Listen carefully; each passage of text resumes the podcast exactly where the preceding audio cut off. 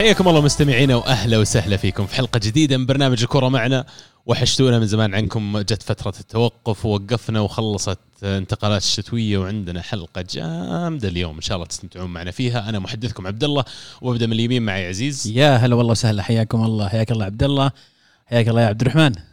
يا هلا والله عزيز هلا والله عبد الله مشتاقين لكم.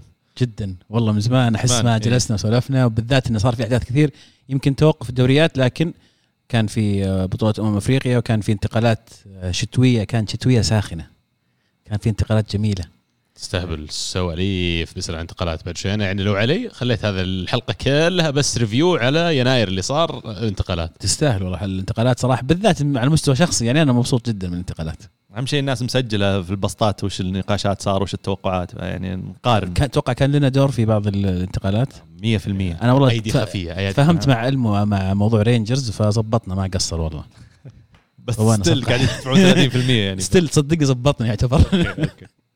على طاري اللي ذكرته عزيز أول شيء نقول hard luck لمنتخب مصر والمصريين جميعا على الخسارة في نهائي آه، كأس أمم إفريقيا ضد السنغال.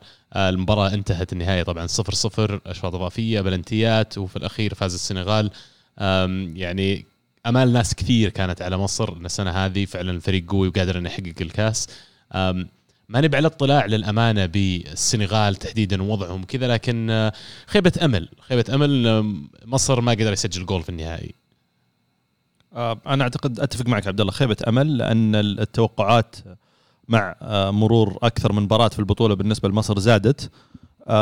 الفريق دخل بشكوك كثيرة حول آه، كارلوس كيروش آه، مدرب المنتخب المصري وكثير ما كانوا راضين عليه آه، وعلى الأداء اللي قدمه في آه، إصابة آه، عدد كبير من اللاعبين آه، سواء كان قبل البطولة ولا خلال البطولة يمكن أول مباراتين ثلاثة شفنا آه، الحارس الشناوي آه، الونش المدافع آه، ثالث مباراة حجازي أصيب واستبعد من البطولة. فكان في ظروف صعبة كثير على المنتخب المصري ورغم ذلك قدر إنه آه، يوصل آه، إلى النهائي آه، رغم كل ال- ال- الظروف اللي واجهت الفريق وال- والإصابات. كان ودنا إنها تكمل بتحقيق البطولة ولكن عاد ضربات الجزاء ضربات الحظ على قولتهم. وفي الأخير يعني ما ننسى ترى السنغال برضو يستاهل البطولة. فريق قوي فريق ال 11 لاعب الأساسي كلهم محترفين في أوروبا. آه فالسنغال برضو أسامي. كبيرة كوليبالي. ماني وغيره. بس يعني أنا انتقادي بس للمنتخب المصري على الأقل. وادائه في البطولة هذه من بداية البطولة الظاهر لين النهائي ما سجلوا إلا ثلاث أهداف. جاية في مباراتين. إيه. مباراة فازوا 1-0 ومباراة فايزين 2-1 2 1 وبعدين المباريات اللي بعدها كلها 0 0 0 0 0 0 يعني لين ال final. فيعني منتخب موجود فيه محمد صلاح. ما يقدر يسجل جول. أنا بالنسبة لي عليه علامة استفهام. وحتى يعني أم، صلاح يمكن أداءه في البطولة ما يقدر إن اليد واحدة ما تصفق بس أتوقع منك أكثر يا أخي. إذا أنت فعلا في تدخل في المحادثة على موضوع من يفوز بالبالندور من يفوز بجائزة أفضل لاعب في العالم إذا يا أخي أتوقع منك مشاركة أكبر على الأقل في الجانب الهجومي. صح. خصوصا إن آخر ثلاث مباريات عبد الله لعب الفريق آه، أشواط إضافية وضربات جزاء. يعني آه، كان عندك أكثر من آه، 120 دقيقة إنك أنت ممكن تخلص كثير آه، من المباريات آه، آه، لما اتيحت لك كثير من الفرص. ولكن الفريق صراحة آه، على قد ما هو يعني كان مقنع نوعا ما بال- بالتنظيم اللي اللي قدر إنه يخليه يوصل إلى إلى النهائي. لكن على قد ما هو ما كان مقنع هجوميا شكل الفريق. لأن حتى المدرب نفسه في كل مباراة ممكن تلقى عنصر مختلف في في الخط ال- الهجومي. آه تريزيجي لاعب آم، آه اوستن فيلا برضو ما كان لاعب آه أساسي وهو لاعب محترف برضو كبير. كثير كثير ظروف كانت ضد المنتخب المصري لكن في نفس الوقت زي ما قلت ما ما أعطونا الانطباع اللي اللي حسسونا إنه ممكن إنهم يفوزون بالنهائي بسهولة أو أو أو يحققونه بجدارة. أتوقع في استياء كبير من الشارع المصري على أداء اللعيبة المحترفين وتحديدا محمد صلاح لما اتكلم عن يعني لاعب يعتبر من أفضل لعيبة العالم يظهر بهذا المستوى. هل المشكلة في في في في المنظومة في توظيف محمد صلاح ولا في محمد صلاح نفسه مع المنتخب؟ هي المشكلة. والله شوف أنا يعني ترى ما أحب دائما أقول الظروف والإصابات لكن فعلا الفريق آه، والمنتخب المصري ترى مر بظروف إصابات آه، كبيرة. وكثير عناصر أساسية ما ما ما شاركت مع مع الفريق بشكل أساسي. فاللي اللي شفته واللي قريته بعد المباراة من ردود أفعال من ال- ال- الأخوة المصريين انه ما كان متوقع أصلا إن إحنا نعدي دور المجموعات على على المستوى اللي قدموه في البطولة العربية ولا على المستوى اللي قدموه في أول مباراتين ثلاث مر... ثلاث مباريات في دور ال- ال- المجموعات. فمقتنعين إن الوصول للنهائي بحد ذاته كان غير متوقع فبالتالي يعتبر إنجاز بالنسبة لهم ولكن تعرف لما أنت توصل للنهاية أكيد إنه يرتفع ترتفع عندك ال- الطموح ولا يصير العشم عالي إنك أنت تحقق البطولة خلاص وصلت النهاية ما عاد بقى بينك وبين الكاس إلا 90 120 دقيقة فيمكن هذا الشيء اللي زعلهم آه، بعد المباراة ولكن في الأخير وصولهم الحد للنهائي بحد ذاته كان يعتبر بالنسبة لهم شيء ممتاز وتصحيح المعلومة اللي قلتها قبل شوي. آه، مصر سجلوا أربع أهداف خلال البطولة آه مو. ثلاث أهداف، إيه. إيه. مباراتين فازوا 1-0 ومباراة فازوا 2-1 السودان والسودان 1-0 المغرب 2-1 إي في الاشواط الاضافيه سجلوا شوط ثاني. إي صلاح وتريزيجيه الظاهر. إي. وباقي واحدة في البداية ظهر غينيا أو بس عموما شكل الفريق هجوميا يعني ما كان ما كان بالشكل ال... يعني معليش بداحم حتى مباراه ما أدري هي مباراة الكاميرون ولا نهائي في فرصة كذا حصلت لصلاح فرص صلاح عرفت اللي إيه. مدافع رجعها بالغلط آه، شبك صلاح خلاص هرب بالكورة حارس طلع له برا المنطقة ما عرف يعدي كاميرون الحارس الكاميرون يعني يعني يعني. مو ما حصل له فرص لا كانت في أشياء أتوقع من واحد بحجم صلاح إنه يعني عارف أنت بتاكله أكل هذا اللي قدامك بس آه. غريب الصراحة. يعني أنا أنا عندي ملاحظة طبعا على خلينا نقول النجوم أو المحترفين في أوروبا. يعني حتى يمكن ما ودي أحرق البصل من الحين بس إنه يعني آه، في الوقت اللي يحتاجهم أعتقد فيه المنتخب ما ظهروا آه، بشكل كبير. أنا أتكلم عن؟ النني وتريزيجيه ومحمد صلاح. هذا هذا الكلام اللي الاستياء اللي صاير إنه فعلا اللعيبة هذول اللي احتاجناهم وقت. مثال بسيط في البلنتيات أمس. آه، أنا ودي أتكلم في نقطة أشطح شوية بموضوع بلنتيات إيه. تسمح لي لا، أنا. موضوع إن ال- ال- ال- اللاعب يشوف عندك الخامس. أنا هذه عندي مشكلة معاها أنا عندي. مشكلة معها زيك غير مقنعه بتاتا أنا بن أنا أنا. قد ما أدري أتذكر قد سمعت واحد يتكلم عن أهمية ضربات ال- الجزاء بالترتيب مو دائما الخامسة هي أهم واحدة وغالبا ما هي بأهم واحدة يقول لك أهم واحدة الأولى والثالثة الأولى لأنك تحط ال ال خلاص تثبت إن أنت أول واحد و وسجلت فتعطي فريق أول شيء راحة نفسية واطمئنان وتراها صعبة الأولى لأنك أول واحد بتشوت صح.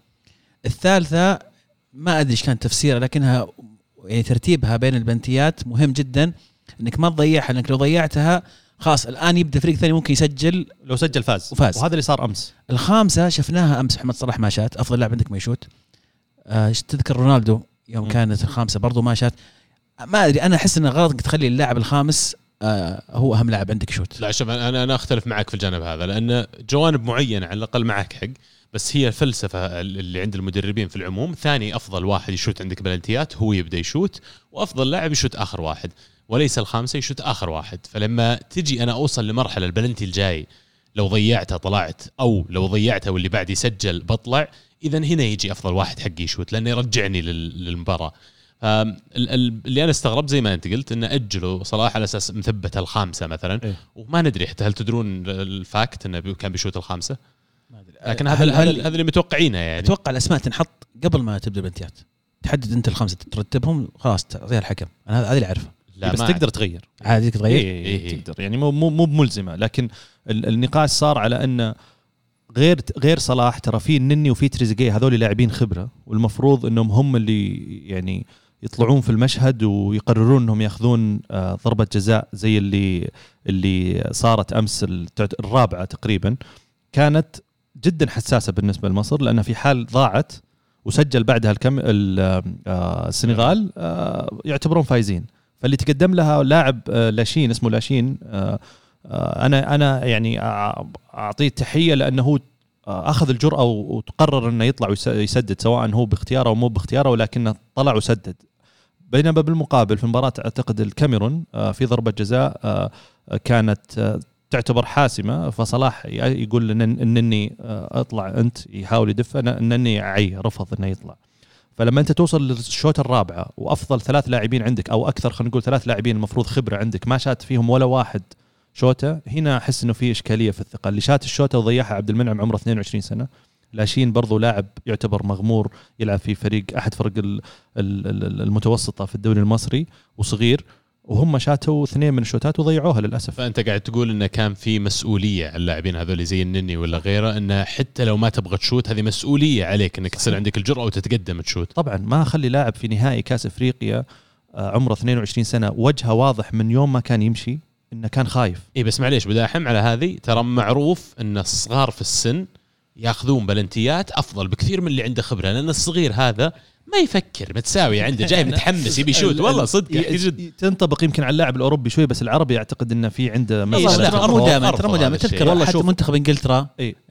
نزل اثنين من الدكة وكلهم ضيعوا هذا كان غلط. اي كان كان غلط في- مع إنهم كانوا صغار المفروض ما تفرق معهم ساكا.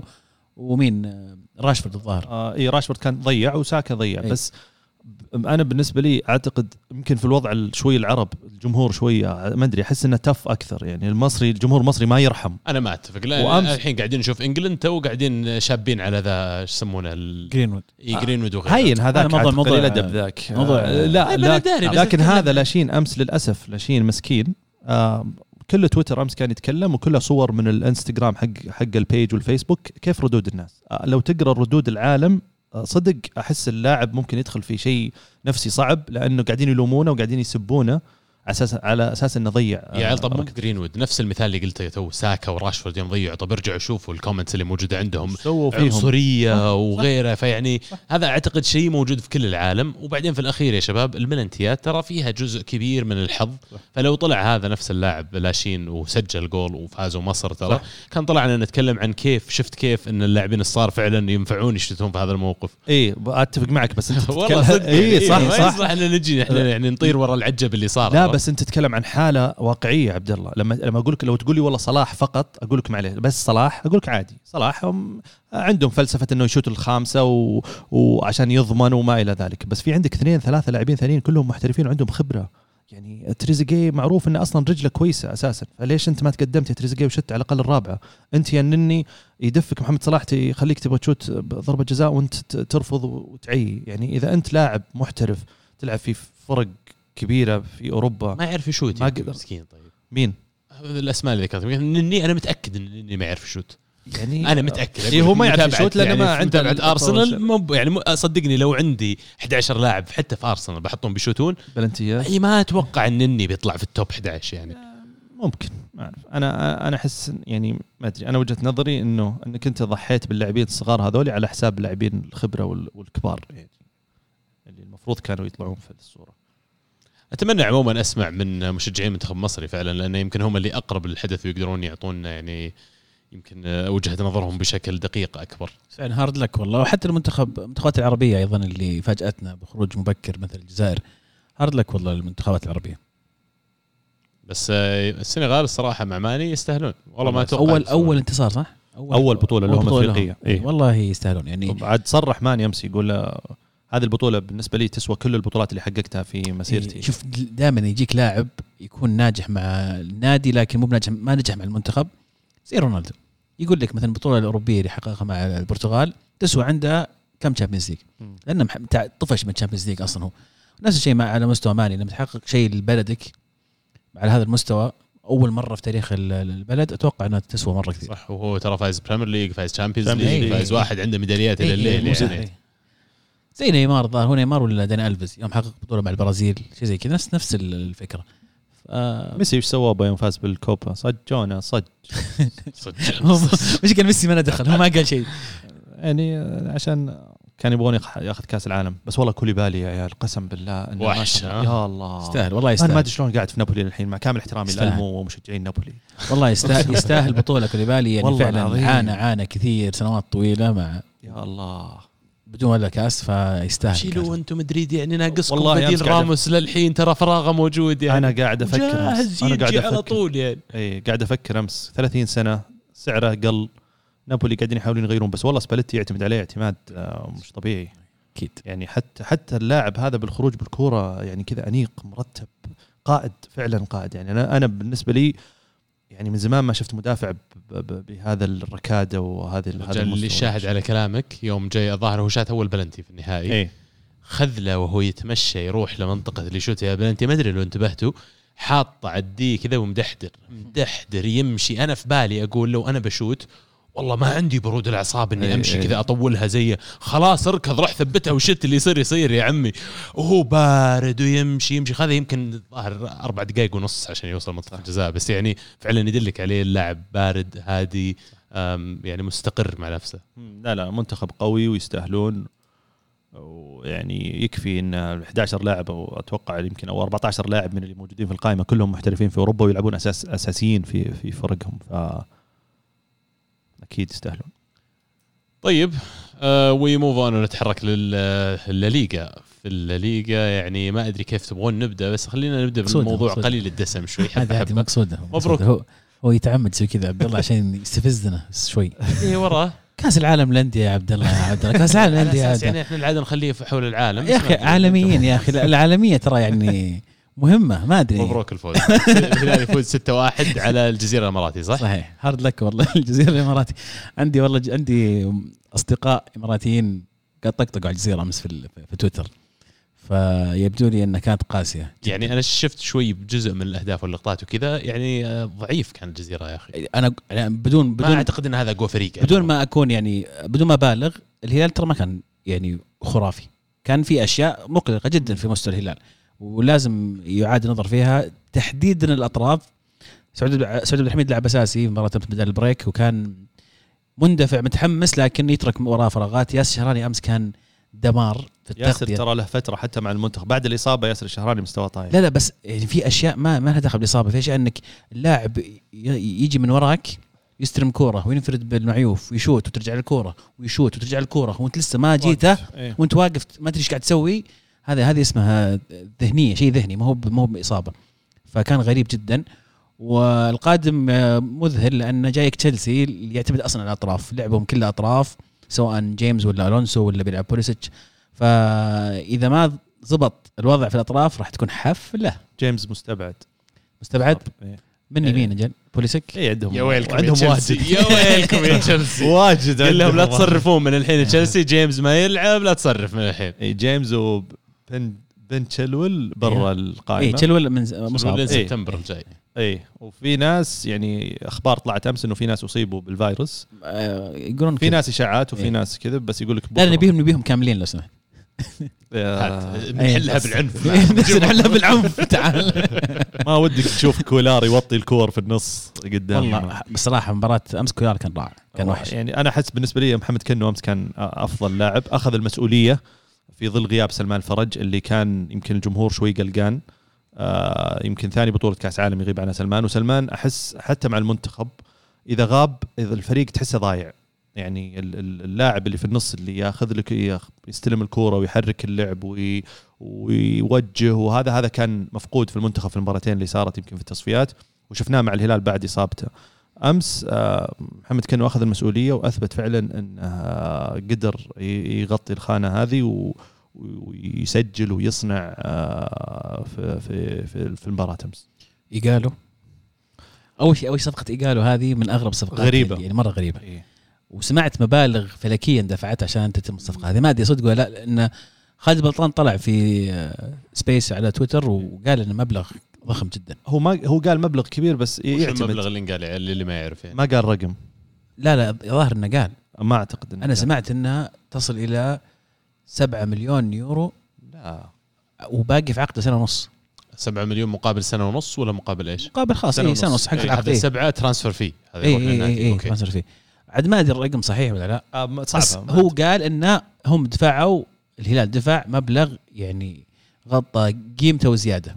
ودفعنا منه آه، مكافآت مباراة النصر إيه لأنه هو أصلا اللاعب آه، صار في مشاكل له مع الش- الشباب ورفض النادي إنه آه، يست... يعني يروح مع المنتخب نيجيريا اي اي وصارت عليهم مشاكل فالبلطان كان يبغى له مخرج على أساس يبيع اللاعب وجت فرصة الهلال لأنه هو كان خيار ثالث للهلال هو والله ترى كان خيار ثالث بعد مين؟ أمس ال- ها بعد مين؟ بعد اوباميانج ومين الثاني؟ أنا احس ما كان خيار منطقي سواريز. لا لا منطقي لا لا سواريز لا في واحد نسيت الله يجيب اسمه كان اوباميانج وفي خيار ثاني وكان يقال الخيار الثالث يعتبر بالنسبة لا يكون عرفته انتقل بعد راح. راح فلامينجو صح؟ آه حق بنفيكا هو حق بنفيكا الظاهر إنه حق ناسي بنفيكا والله بغض النظر أنا بالنسبة لي قالوا أمس كان وحش في, ممتاز. في التحضين. ف-. كان كان تمركز إي مهاجم رقم تسعة إيه. مهاجم فعلا إيه. بانت لمساتها من البداية فإن شاء الله انها صفقة كويسة. ويا ويلكم يا تياجو سيلفا وكريستنسن من بيلعب يلعبون من روديجير روديجير في الجيب هذا. عاد ترى روديجير أصلا نفسيته تعبانة لأنه ما جدد للحين. فما راح يكون مركز. والله والله شوف أنا متحمس أشوف المباراة معكم إن شاء الله. خير. أنا مشغول. الأربعاء. أنا مشغول الأربعاء. لا، مبروك للهلال وإن شاء الله يعني قادم مذهل أكثر. إن شاء الله يعني حتى لا سمح الله صارت الخسارة قدام تشيلسي في مباراة ثالث ورابع. نطمح إن شاء الله يجيب الثالث. مستبعد الكلام هذا يعني. مستبعد إنه يطلع من تشيلسي؟ خساره تشيلسي يعني. صحيح. أنا يعني أشوف انها هي بعيدة لكن هي واردة. إي بس لو في risk في النهائي يعني في كرة القدم. عبد الله كل شيء وارد ترى. يفاجئونك تشيلسي ممكن. والله أنت. لا يزعل جمهور تشيلسي ترى نمزح بس. آه، مبروكين فعلا يا شباب مرة ثانية. والحين نقدر نروح الليجا بدون ما تهاوشوني تفضل. لا اكشلي بقى شيء. المنتخب السعودي ينصقع من المنتخب الياباني. ما انصقع. والله استخدم كلمة انصقع بس فاز فاز المنتخب السعودي مباراه اولى طيب يعني بس لما جت المباراة الحسم هذه خلاص آخر واحدة لو بيضتها خلاص تقريبا انتهى الموضوع. بس إن شاء الله إن شاء الله متفائلين. باقي فوز واحد. عندي تعليق عليها. يا أخي من فترة متابعتي للمنتخب السعودي بشكل كامل من بداية الوقت ومن بداية التاريخ ما قد صار عندنا فجوة في الهجوم بالذات كمهاجم أساسي زي اللي موجودة اليوم. على مر العصور ومر المنتخبات اللي موجودة عندنا عادة المهاجم هو المركز الوحيد اللي عندنا أحد فيه. لكن يعني الحين لما طالع مهاجمين واحد جالس في دكة الهلال صالح الشهري والثاني فراس بريكان جاي من الفتح يعني مع كامل احترامي لجميع الأندية لكن ليش ما في مهاجمين سعوديين على level على الأقل اللي هو ضامن رقم تسعة وضامن مكانه مع المنتخب وقادر إنه يعطيك output هجومي؟ فراس بركان كويس ومجتهد وأنا شخصيا أفضله على صالح الشهري. بس إنه برضه مو على مستوى الطموح اللي تبغاه للمنتخب. يعني أتوقع الجواب صعب إنه يكون يعني أجاوب بكلمه كلمه كلمة كلمتين. بس يعني برجع لنقطة المحترف الأجنبي في السعودية وسبع أجانب فادت كثير وايجابياتها أكثر بكثير من سلبياتها. لكن أعتقد واحدة من سلبياتها غياب غياب المهاجم السعودي أو غياب الفرصة الكافية للمهاجم السعودي. لو تروح للأندية الظاهر ما في ولا نادي في الدوري السعودي ما عنده مهاجم أجنبي. كلهم. وخلاص هذا هذا هذا أهم شيء. أنت تبغى أهداف تحتاج مهاجم أجنبي. فضر كثير من آه، اللعيبة الشباب اللي ما أخذوا فرصتهم. ليش طيب في المقابل زيادة اللاعبين الأجانب؟ وأعتقد إنها مرتبطة بعد. أدت إلى اليوم أنت عندك كروب وجيل من لاعبين الوسط استهبال. وسط السعوديين عندنا مليان على قفا ما يشيل لدرجة إن بعض الأندية الحين قاعدة تستغني عن لاعبين وسط أجانب ومن ضمنها الهلال من ضمنها النصر من ضمنها كثير من الأندية اللي قاعدة تنافس على الدوري. لأن عنده مليان لاعبين وسط سعوديين أنا ما أحتاج أجانب. طيب ليش مو بنفس الشيء نشوفه يصير في الهجوم؟ إيش معنى ال- الإفكت حقه كذا على المهاجم تحديدا أكبر مما هو على الوسط؟ مرة ثانية أرجع أقول إن المهاجم هي خانة واحدة هو اللاعب الهداف اللي تحتاجه الفريق. وأغلب الفرق ودي الحين لو عندي إحصائية لكن ما عندي كم عدد الأندية اللي عندها مهاجم صريح أجنبي؟ وكم منهم عندهم مهاجم صريح سعودي؟ الوسط عندك أكثر من خانة عندك أكثر من ترتيب في تشكيل الوسط فممكن تلقى لاعب أجنبي لكن جنبه واحد سعودي أو ما تلقى لاعب أجنبي في, في هذه الخانة اللي نحتاج اللي نتكلم عنها اللي فيها ناس مبدعين اوريدي أعتقد إن كثرتهم في الهجوم هو سبب غياب آه، المهاجم المهاجم السعودي. آه، يعني أنا يمكن أختلف شوي جزء يعني جزئيا لأن الموهبة بتفرض نفسها و- و- وبذا لكن ما كان ما في ما أحس في تركيز على آه، انك انت تطلع لاعبين مهاجمين آه، إذا بنرجع ونقول والله على مستوى الأكاديميات ولا على مستوى الفئات السنية ما عاد صار في تركيز على المهاجم بشكل كبير لأن الكورة آه، يمكن تغيرت وصارت ما بقول للأسف لأنه هذا يمكن شيء إيجابي يعتبر لكن حتى أنا جلست يمكن كثير مع مدربين فئات سنية وكل تركيزهم آه، تيكي تاكا كيف أنا أستحوذ كيف ألعب المهاجم الوهمي تعرف هذه الأفكار اللي صارت الآن كل الناس آه، يتكلمون فيها ويحاولون يقنعون نفسهم فيها حتى لو هم مو مقتنعين فيها كفكر. ف آه، لما يجيني مهاجم ممتاز آه، حتى لو كان مرة مستواه بارز يمكن بسبب الطريقة اللي أنا مقتنع إني ألعب فيها أو بسبب الفلسفة اللي ودي إن الفريق يمشي فيها ما أعطيه اهتمام مرة فبالتالي اللاعب يضيع آه، يطيح مستواه. ولا يلقى نفسه في خانة ولا عاد يصير له يصير له وجود صعب إن نأكد ولا ننفي اي هو المشكلة. إيه. فكرة اي مجرد فكرة مقابل كلامك عزيز تو تقول إن المهاجم فعلا هو مركز بجيب فيه لاعب دائما بالنسبة للأندية بيجيبون واحد أجنبي طيب سبع لاعبين أجانب في الغالب بالذات أول ما بدت ال- التشريع هذا ترى معظم الأندية جايبين على ثلاثة وأربع لاعبين وسط لأن سبعة وش بتجيب؟ بتجيب مهاجم مهاجمين بتجيب لك ثلاثة في الوسط بتجيب لك واحد واثنين حارس ولا دفاع هذا هذا اللي اللي جرت العادة عليه فخلال السنتين الماضيات اللي أنا قاعد أشوفه على الأقل قاعدين يبرز جيل من اللاعبين السعوديين مرة ثانية في الوسط تحديدا قاعد يخلي الأندية تفكر بالاستغناء عن الأجنبي. أنا أقول لو كان قاعد يطلع مهاجمين السعوديين وناس على قدر فعلا التوقع والطموح الأندية بتسوي نفس الشيء. إذا أنا أقدر أني أستغني عن هذا المركز بلاعب أجنبي أحط لاعب سعودي عشان لما أنا أروح أشارك في آسيا أفضل لي أنا أنه يكون اعتمادي على ثلاثة جانب بس بدل ما يكون اعتمادي على سبعة. يعني في مشكلة أنا أعتقد أكبر من كذا. قد تكون يمكن عبد الرحمن الشيء اللي انت ذكرته له علاقة لكن أنا أعتقد أن مركز المهاجم تحديدا يبي له ثقافة كروية عالية مرة. لما أقول ثقافة كروية شوف أنت تكلمت عن إيجالو تو. إيجالو واحد مربى كورة. صح. جايك دار في العالم كله ومن أول يعني من أول ما بدأ وهو زي ما تقول داخل في السلك التعليمي حق الكورة فما وصل مهاجم إلا عارف بالضبط إيش اللي مطلوب من المهاجم عارف الدور حقه عارف هو إيش يناسبه.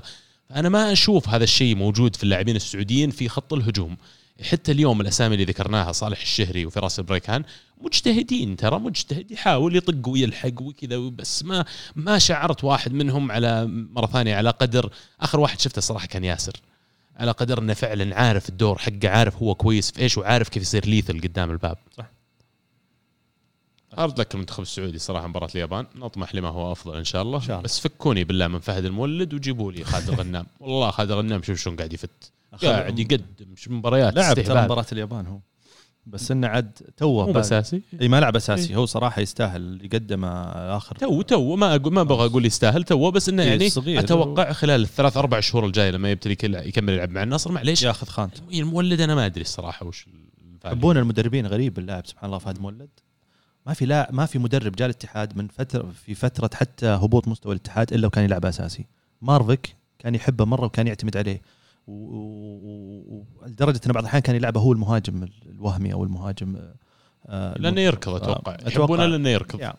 بس يعني نزلت فعاليته بشكل كبير. عموما هذا اللي كان عندنا على المنتخب السعودي. الحين نروح للليغا. أخيرا. اسمحوا لي الحين ها؟ آه نبدأ بالموضوع اللي أقل دسم خلينا نقول مدريد يفوز 1-0 على غرناطة. مبروك بداحم الله يبارك فيك حبيبنا. اسنسيو جول حركات. بدنا إي نشوف. بعض الأسامي اللي يعني كانت غايبة الفترة الماضية. والله شوف آه، إصابة بنزيما آه، أعتقد إنها شوي لخبطت وضع أنشيلوتي وأعطتنا يعني تأكيد. يمكن كان عندنا شكوك قبل إنه ما في ثقة بيوفيتش. الآن أعطتنا تأكيد إنه ما في ثقة بيوفيتش لاعب إسكو. مهاجم وهمي؟ لاعب إسكو مهاجم وهمي المباراة هذه والمباراة اللي قبل في الكاس من بلباو اللي اللي خرجنا منها آه، أعتقد فوز يعني باختصار كان مهم جدا وثلاث نقاط مهمة على أرضك قدام فريق صعب آه، خصوصا في ظل تعثر إشبيليا واعطتك فرصة إنك أنت توسع الفارق إلى ست نقاط إن شاء الله الفريق بعد رجعة بنزيما واستقراره آه، يبدأ يركز آه، أكثر و- ويحاول إنه يعني يعطي خلينا نقول آه، مجال آه، وفرصة لحتى لاعبين ال- الوسط يمكن إنها تصير لهم أدوار أكبر مثل فالفيردي وكامافينجا آه، في المباريات الجاية. ست نقاط فارق مريح. إن شاء الله الجاي أحسن وأفضل. ما أحس في أي تخوف يعني من أي مدريدي صراحة. يعني أنا بالنسبة لي أحس الدوري كان مخلص مدري ليش. ليش؟ يعني كل النقاشات اللي أسمعها تتكلم عن دوري شوف. آه، الرابع مين. برشلونة أتلتيكو إشبيليا مو اشبيليا بيتيس. يعني ما أحس مدريد خلاص يعني. اشبيلي أعطانا انطباع في فترة من الموسم إنه منافس صدق. بس أنا شخصيا ما أثق في لوبتيجي مع كامل احترامي له. ف آه، الشيء قاعد يظهر لما يتعثر مدريد سواء كان بالتعادل ولا حتى بالهزيمة قبل مع ختافي. آه، إشبيليا تلقاه بالمقابل يتعثر ولا يفوز وبعدين تيجي الجولة اللي بعدها يتعثر. ف آه، الثقة يعني في مدريد أكبر أو أو خلينا نقول الأريحية أكبر بالنسبة لمدريد إنه منافسة اشبيليا لكن يظل ترى ست نقاط والدوري باقي عليه يعني فترة طويلة ومباريات صعبة خصوصا الآن بيجي ال Champions League وما ندري إيش وضع الفريق هو بيتاهل ما راح يتأهل وقدامه مباراة صعبة. أنا بالنسبة لي مدريد ما راح أنا بعطيكم توقع مبكر جدا. إيه. مدريد بيتأهل. صدق؟ إيه. PSG ضايع. أنا أقول لك الآن PSG الضياع. إلا إن فجأة تغير بوكيتينو فجأة وقرر إنه ما يلعب إمبابي ميسي نيمار. هم ما يصلحون مع بعض ها؟ هذا إذا له. الثلاثة مباراة لكم. غالبا بيلعبهم لأن دي ماريا أمس طلع مصاب وشكله مو بلاحق على حتى. ليش ما يصلحون مع بعض عزيز؟ أنا مقتنع تماما إن هذه الثلاثة إذا لعبوا مع بعض تحت قيادة بوكيتينو ما راح يضغطون على أي أحد. ما راح يضغطون على حامل الكرة ابدا بيكونون وجودهم فقط للهجوم. منقسم الفريق نصين. ففريق فيه ثلاث لعيبة فقط للهجوم مستحيل يفوز على مدريد يعني. و- وجهة نظر قد أكون يعني مصيبة. وجهة نظر صراحة نحترمها ونقدرها ونتمناها. ونتمناها لكن راح تكون مباراة حلوة صراحة أتوقع يعني. لأن لما تجيهم الكورة الثلاثة ذولي يا ويلكم. عرفت؟ الحمد لله ما شفت ميليتاو والابا أنت. الابا هذا والله العظيم انه إنه رجال. سلم سالم. سلم. جاك؟ شكلك من مدحت مدحت. ما ميليتاو ما عجبتني. جمهور باريس اعطوك إياها على طول ما بعد تسمعوا المايك طاح يا شباب. بسيط. سلامات عزيز آه شو اسمه؟ أقول لك ميليتاو الابا هذا قسم بالله إنه وين عنا من زمان؟ والله العظيم يعني من اللاعبين اللي تشوفه آه، تضحك تنبسط. يمكن يمكن تأيدني أنت عبد الله ال- ال- الرأي. آه، ودي فعليا إنه جاي قبل خمس سنوات كذا لعب مع راموس. لاعب تبي ظهير لعب لك ظهير لاعب تبي center لعب لك center تبي محور بلعب محور تبي وسط يسار لعب لك وسط يسار ويهاوش اللاعبين ويرجع وهو اللي يلعب الركنية وهو اللي طلع جيد ها؟ قايل لك. والله إني قايل لك. أتذكر. الكلام. صح، صح، إيه. صح. وخبرة. لا لا فترة. طويلة يعني يلعب ف واللاعبين تع- يعني أنا لاحظت حتى كذا كذا لقطة يمكن في كذا مباراة اللاعب إذا سجل هدف ولا صنع خصوصا مثلا من اللاعبين الصغار مثلا كامافينجا فالفيردي آه، بعض اللاعبين الثانيين مثل فاسكيز يروحون له. يروحون ويسلمون عليه ولا يروحون يحيونه لأنها لأن تلقاه أعطاهم قائد, قائد. بدون يكون بدون. بدون شاره يعني قائد. أعطاهم شيء معين أعطاهم تحفيز معين فمحظوظين جدا جدا بألابا الصراحة. حلو. اعطونا ال- الحماس. اللي- طفش ذولا مباراه مدريد اعطونا الحماس اللي بعده برشلونة يعود آه، يعني شكل مختلف تماما بعد آه، نهاية يناير ويفوز 4 2 على أتلتيكو مدريد بعد ما تقدموا. أول شيء أتلتيكو مدريد دقيقة 8 الظاهر إذا ما كنت غلطان جاء جول وبعدين شعرت شوي إنه يلا هذا برشلونة حق الموسم هذا دخل عليهم جول الحين. 30 انتهت المباراة لكن اللي استغربت إنه بعدها بدقيقتين تقريبا على طول سجلوا التعادل وخش جول الصراحه من جوردي البا عرضية من ظهير للظهير. صح. وداني الفيز طبعا ما يحتاج يعني آه، تعليق أكثر من واحد عمره 39 سنة. الله. آه، على قولتك عزيز قبل حلقه تقول سميتها الهاتريك الوهمي حقه اللي هو goal و assist وكرت أحمر. صحيح. هذا هاتريك بالوتيلي والله آه، يعني برشلونة أمس قدم شوط أول من الأشواط ال ال ال القديمة واللي ذكرتنا في برشلونة زمان. يمكن آه، ضغط عالي آه، هجمات كثيرة آه، إضافات اللي أضافوها الفريق فعلا يمكن أدت مستوى ممتاز. فيران توريس أنا عاجبني مرة هذا اللاعب أحبه كثير. اداما تراوري يعني في شكوك حول هذا اللاعب ولكن اللاعب متحمس ويبغى يلعب وولد النادي. فبالتالي شخصيا أعتقد إنه بيكون أفضل بكثير من اللي موجودين already الحين في الفريق هجوميا على أقل تقدير. أوباميانج يمكن مشارك فترة بسيطة لكنه برضو إضافة ممتازة آه، وال- والغريب آه، تعتقد ممتازة أوباميانج؟ ال- شوف آه، توني بقول لك هذه المعلومة. شوف أنا تابعت أوباميانج في أرسنال فترات متقطعة لكن إذا بنتكلم أرقام أنا تفاجأت إنه أوباميانج في آخر يمكن عشر مواسم آه، top 10 آه، مسجل أهداف في كل ال- ال- الدوريات. تبدو لي صح. yeah so حتى حتى ال output حقه مع أرسنال في خلال أول سنتين جاهم. إيه. استهبال كان بس اللاعب آخر سنة أو سنة ونص مو بس مع أرسنال حتى. اي حتى علامات استفهام يوم راح هذا منتخب يعني كرشوه من المنتخب كرشوه من أرسنال لما صارت كل هذه الأشياء في نفس الفترة إيه. صراحة أنا صار عندي علامات استفهام بعد. أوكي أنا أدعمك وأحبك كلاعب بس إذا من أكثر من جهة قاعدة تجي معناته المشكلة من عندك. إضافة إلى هو تصريحه ما أدري لو شفتوه تصريحه إنه يعني إلى حد كبير قاعد يلوم أرتيتا. قاعد إيه. أرتيتا إنه حده يطلع من النادي. اي هو مشخصنها مع أرتيتا يعني حتى آه، في تصريح مو تصريح يعني في آه، خبر قريته أو أو نقاش قريته بين المشجعين الارسناليين يقول إنه أرتيتا بما معناته إنه قال آه، أوباميانج ما يكمل عندي في الفريق. فواضح إنه ال- ال- المدرب واللاعب وصلوا إلى طريق مسدود. اللاعب عمره 30 31 سنة جاء فريق مع مدرب متحمس طالبه أو أصر إنه يجيبه بالاسم. راح يلقى فرصته بشكل أساسي. يعني ممكن الظروف تهيأ له وبرشلونة ما أعتقد إنه يحتاج منه أكثر من موسمين خلينا نقول ثلاث مواسم ماكسيمم وخلاص يصير أدى اللي عليه وأضاف الإضافة اللي, اللي يحتاجها الفريق. اذا ما كنت غلطان هو عقد إعارة مع خيار الشراء. إيه. عقد إعارة آه، بدون مقابل بالنسبة لأرسنال على برشلونة يدفعون رواتب آه، كاملة ست شهور اي فشوف يعني ما توصل مرحلة مع اللاعب زي كذا اللي خذها بس فكني صح. منه الا اعرف إنك متوهق فيه صح. عموما أنا يعني والله ودي إني أشوفه فعلا ينجح مع برشلونة لأن شخصيا أنا أنا fan للاعب وأحب أسلوب لعبه وأحب style حق لعبه وأعتقد ان لو ننظر كمجمل على انتقالات برشلونة خلال يناير هذا أربع لاعبين. أتوقع راح يكون لهم دور كبير مع النادي بيلعبون أساسيين إلى حد ما. جابوا داني ألفيز فيران توريس اوباميانج وآدم تراوري. تقريبا لاعب في كل مركز. صح. فيعني باعتقادي هذول اللاعبين قادرين يعطون اليوم قادرين ال contribution حقهم يصير على طول. يبغى لهم وقت شوي بس آه، يمكن هم فعلا اللي كان ناقص برشلونة على أساس آه، يجيهم دفعة معنوية خلينا نقول بشكل أكبر من أي شيء ثاني. غير اللاعبين اللي بارزين أساسا في برشلونة فهذول يعتبرون مكملين لهم يعني جافي وبيدري هذول مقدمين يعني بس شباب ذول كانوا تبغى الناس زي كذا زي الفيز زي أوباميانج بالضبط. لاعبين خبرات لا ألفيس هذه الصفقه أنا الفيز صراحة 39 شهر ما أدري شلون ما أدري شلون فكر فيها برشلونة يعني بطريقة ما أدري إيجابية وسلبيه بس لما اشوفه أمس رجال فرق معهم بال- والله. والله فارق مرة مرة. كورة نظيفة يطلع صح يرجع صح آه ال assist حقه هذا يدل يركض؟ يعني يركض بس يتعب. أنا أحس إنه ما يكمل 90 دقيقة وفي كلام كثير على إنه يفكر تشافي إنه ما يضم قائمة Champions ما أدري من يورو- جاب اسمه Europa League. إيه. البطولة الأوروبية طيب البطولة الأورو- إيه. okay البطولة- البطوله الأوروبية. مرة حساس الموضوع يبدوني والله إحنا مرة متحسين ترى ما يفرق معنا إحنا من ناس البطولات ذي من زمان ترى. لي كم؟ ست سنين يعني ما شفتهم. لا. أرسنال Europa League إيه، بس Champions League كم لي عنها؟ أنا عندي خلاص تساوت نفس الشيء هي وهي أوروبا هي يعني ال Europa League. إيه، في شيء اسمه Champions League يعني هذا ما ما إذا فكر فيها يعني جمهور برشلونة من ناحية ثانية إنك أنت أصلا حتى لو خلينا نفرض إنك تأهلت ثاني من المجموعة فرص إنك أنت تحقق البطولة جدا يعني بسيطة.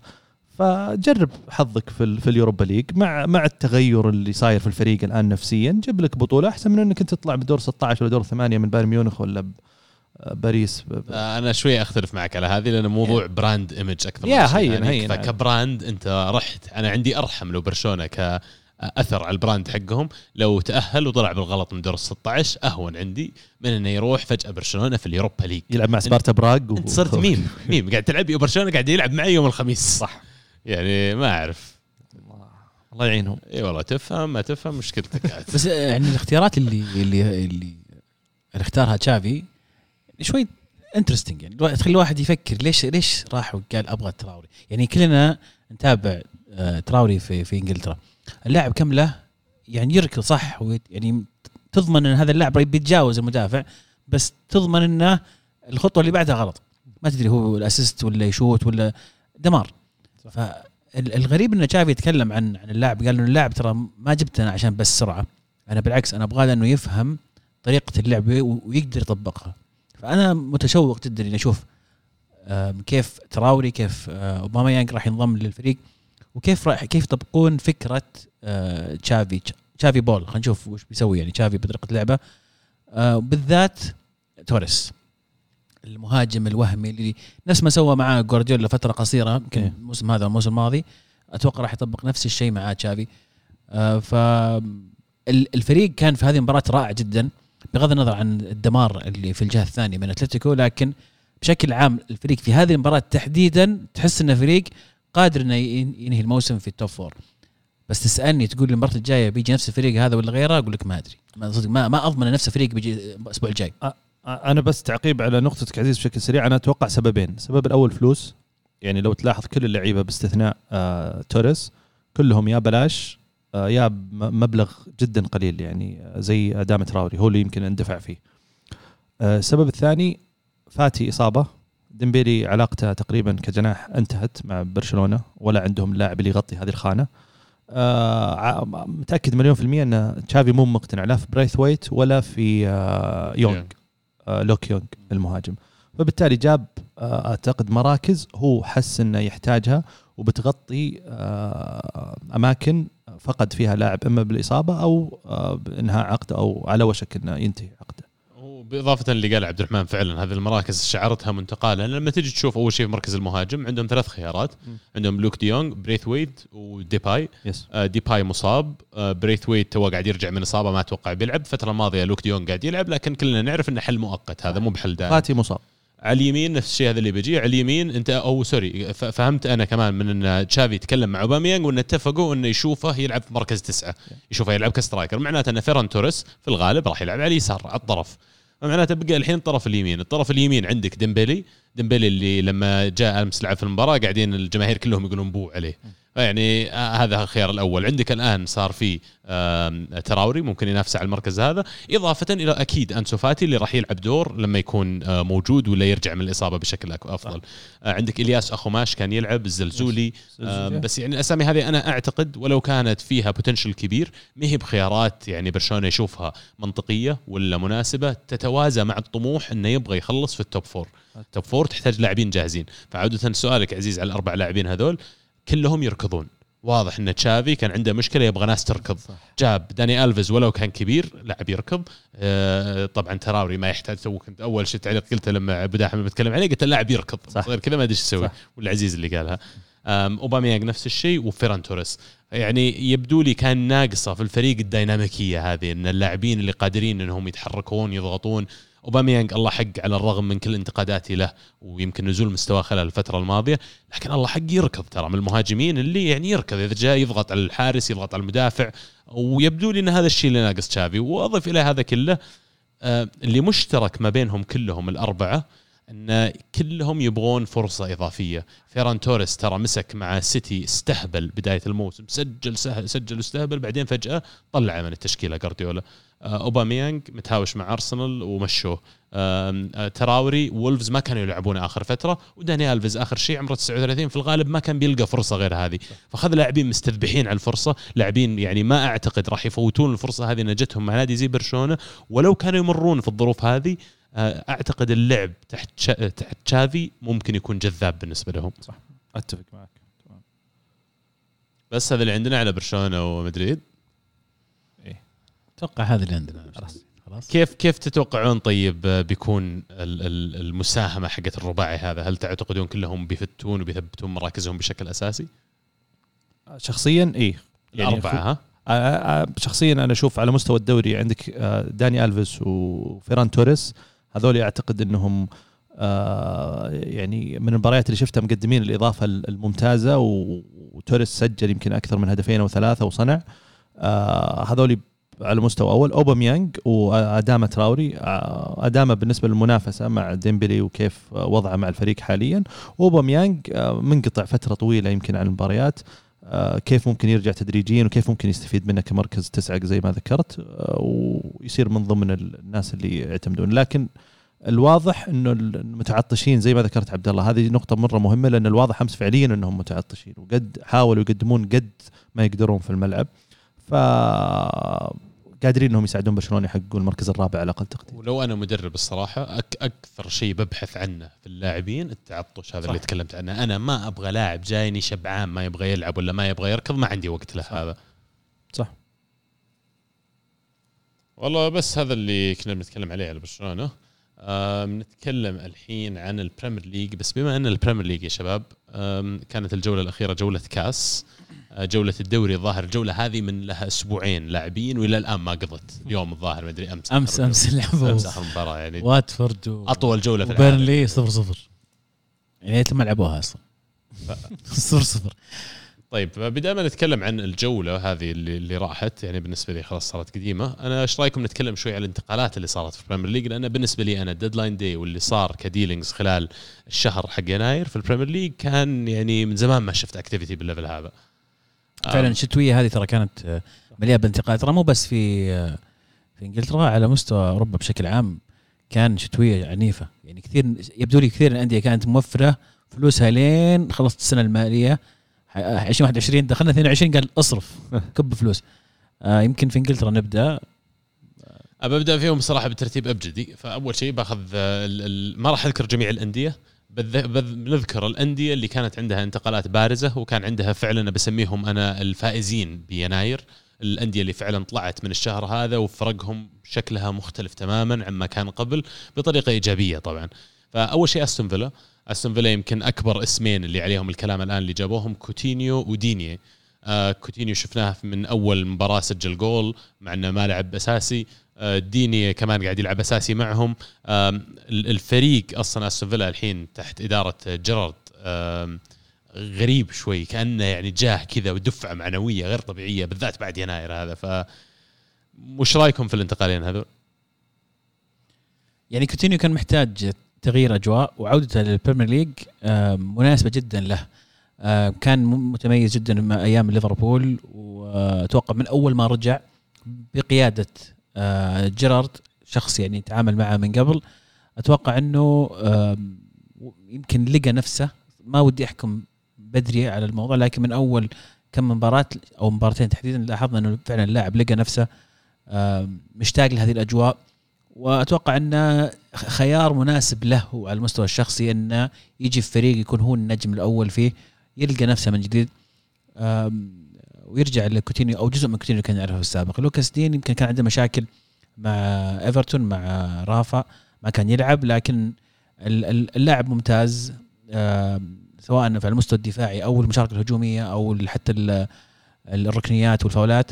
فايضا إضافة مهمة لاستون فيلا اللي أخذ مكان تار تارجت أو تارجي ما أدري يسمونه صراحة تارجت وتارجي اللي تبي. مكان تارجت اللي انتقل نيوكاسل لكن حتى أيام ما كان مع استون فيلا ما كان هذاك الظهير الممتاز اللي عنده إضافة هجومية مميزة. فصفقتين جميلات لكن أنا بالنسبة لي الأهم من كل هذا جيرارد واللي قاعد يسويه جيرارد مع مع الفريق. إضافته باينة مباشرة لمسته واضحة جدا. فأتوقع إنه راح تحسن مستواهم كثير. من أول يوم القتالية صار استون فيلا يروع فجأة كذا يقاتلون على كل كورة يعني شيء غريب صراحة فهذا أول انتقال مثير للجدل خلينا نقول. اللي بعده برنتفورد اللي طلعوا لي بصفقة ما أدري من وين جو تعاقدوا مع كريستيان اريكسن برنتفورد نادي قاعد يسوي أشياء أعلى بكثير من المتوقع منه خلال الموسم هذا. نادي جو جاء وفاجأ البريمير ليج بشكل كامل. طبعا تكلمنا عنه في أكثر من حلقة قبل بأنهم معتمدين بشكل أساسي على موضوع البيانات وتحليل ال ال الأداء حق اللاعبين ولا غيره في موضوع اختياراتهم في موضوع استقطاباتهم. فهم بالنسبة لهم كان في فجوة واضحة عندهم في الوسط المهاجم أو صانع اللعب. وخيار إريكسن كان غريب جدا. إريكسن يعني كان الظاهر بدون نادي وقاعد يتدرب في أياكس الظاهر أو مدري وين جالس يتدرب. إيه؟ لين يلقى له نادي. وبعدين جاء برنتفورد من العدم تقريبا والقطه سؤالي لكم الأول وش تتوقعون آه نسبة مشاركته راح تكون مع برنتفورد؟ فهل بنشوفه يصير أساسي من البداية معهم ويلعب 90 دقيقة؟ والجانب الآخر هل تتوقعون نجاحه؟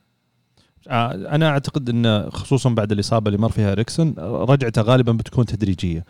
لأن صحيا اللاعب قالوا إنه لائق إنه يقدر يلعب حتى 90 دقيقة كاملة. ولكن تعرف حساسية الكورة نفسية اللاعب بعد الإصابة اللي جته كل هذه عوامل مؤثرة. ولكن برضو اللي قريتها بالإضافة إلى الإحصائيات عبد الله وعزيز الفريق يشتغل على الجانب النفسي كثير عند عند اللاعبين ومن جميع يعني أفراد الطاقم.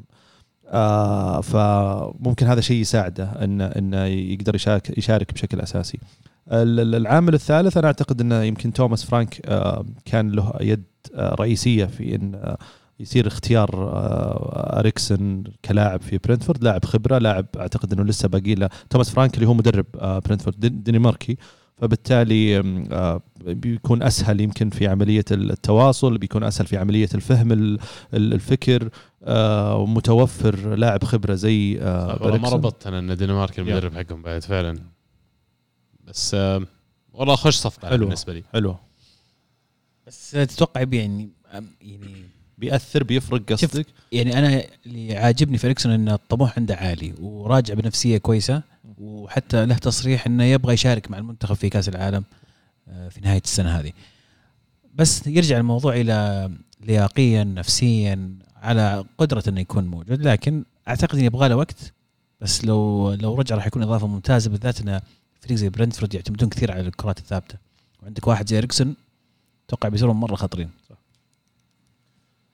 الفريق اللي بعده إيفرتون الصراحه اللي جاب صفقتين أنا بالنسبة لي يعني من العيار الثقيل وقد تكون الأكبر في في ال list اللي بنذكرها بعد شوي لكن تعاقدوا مع ديلي علي من سبيرز وجابوا فان دي بيك من يونايتد.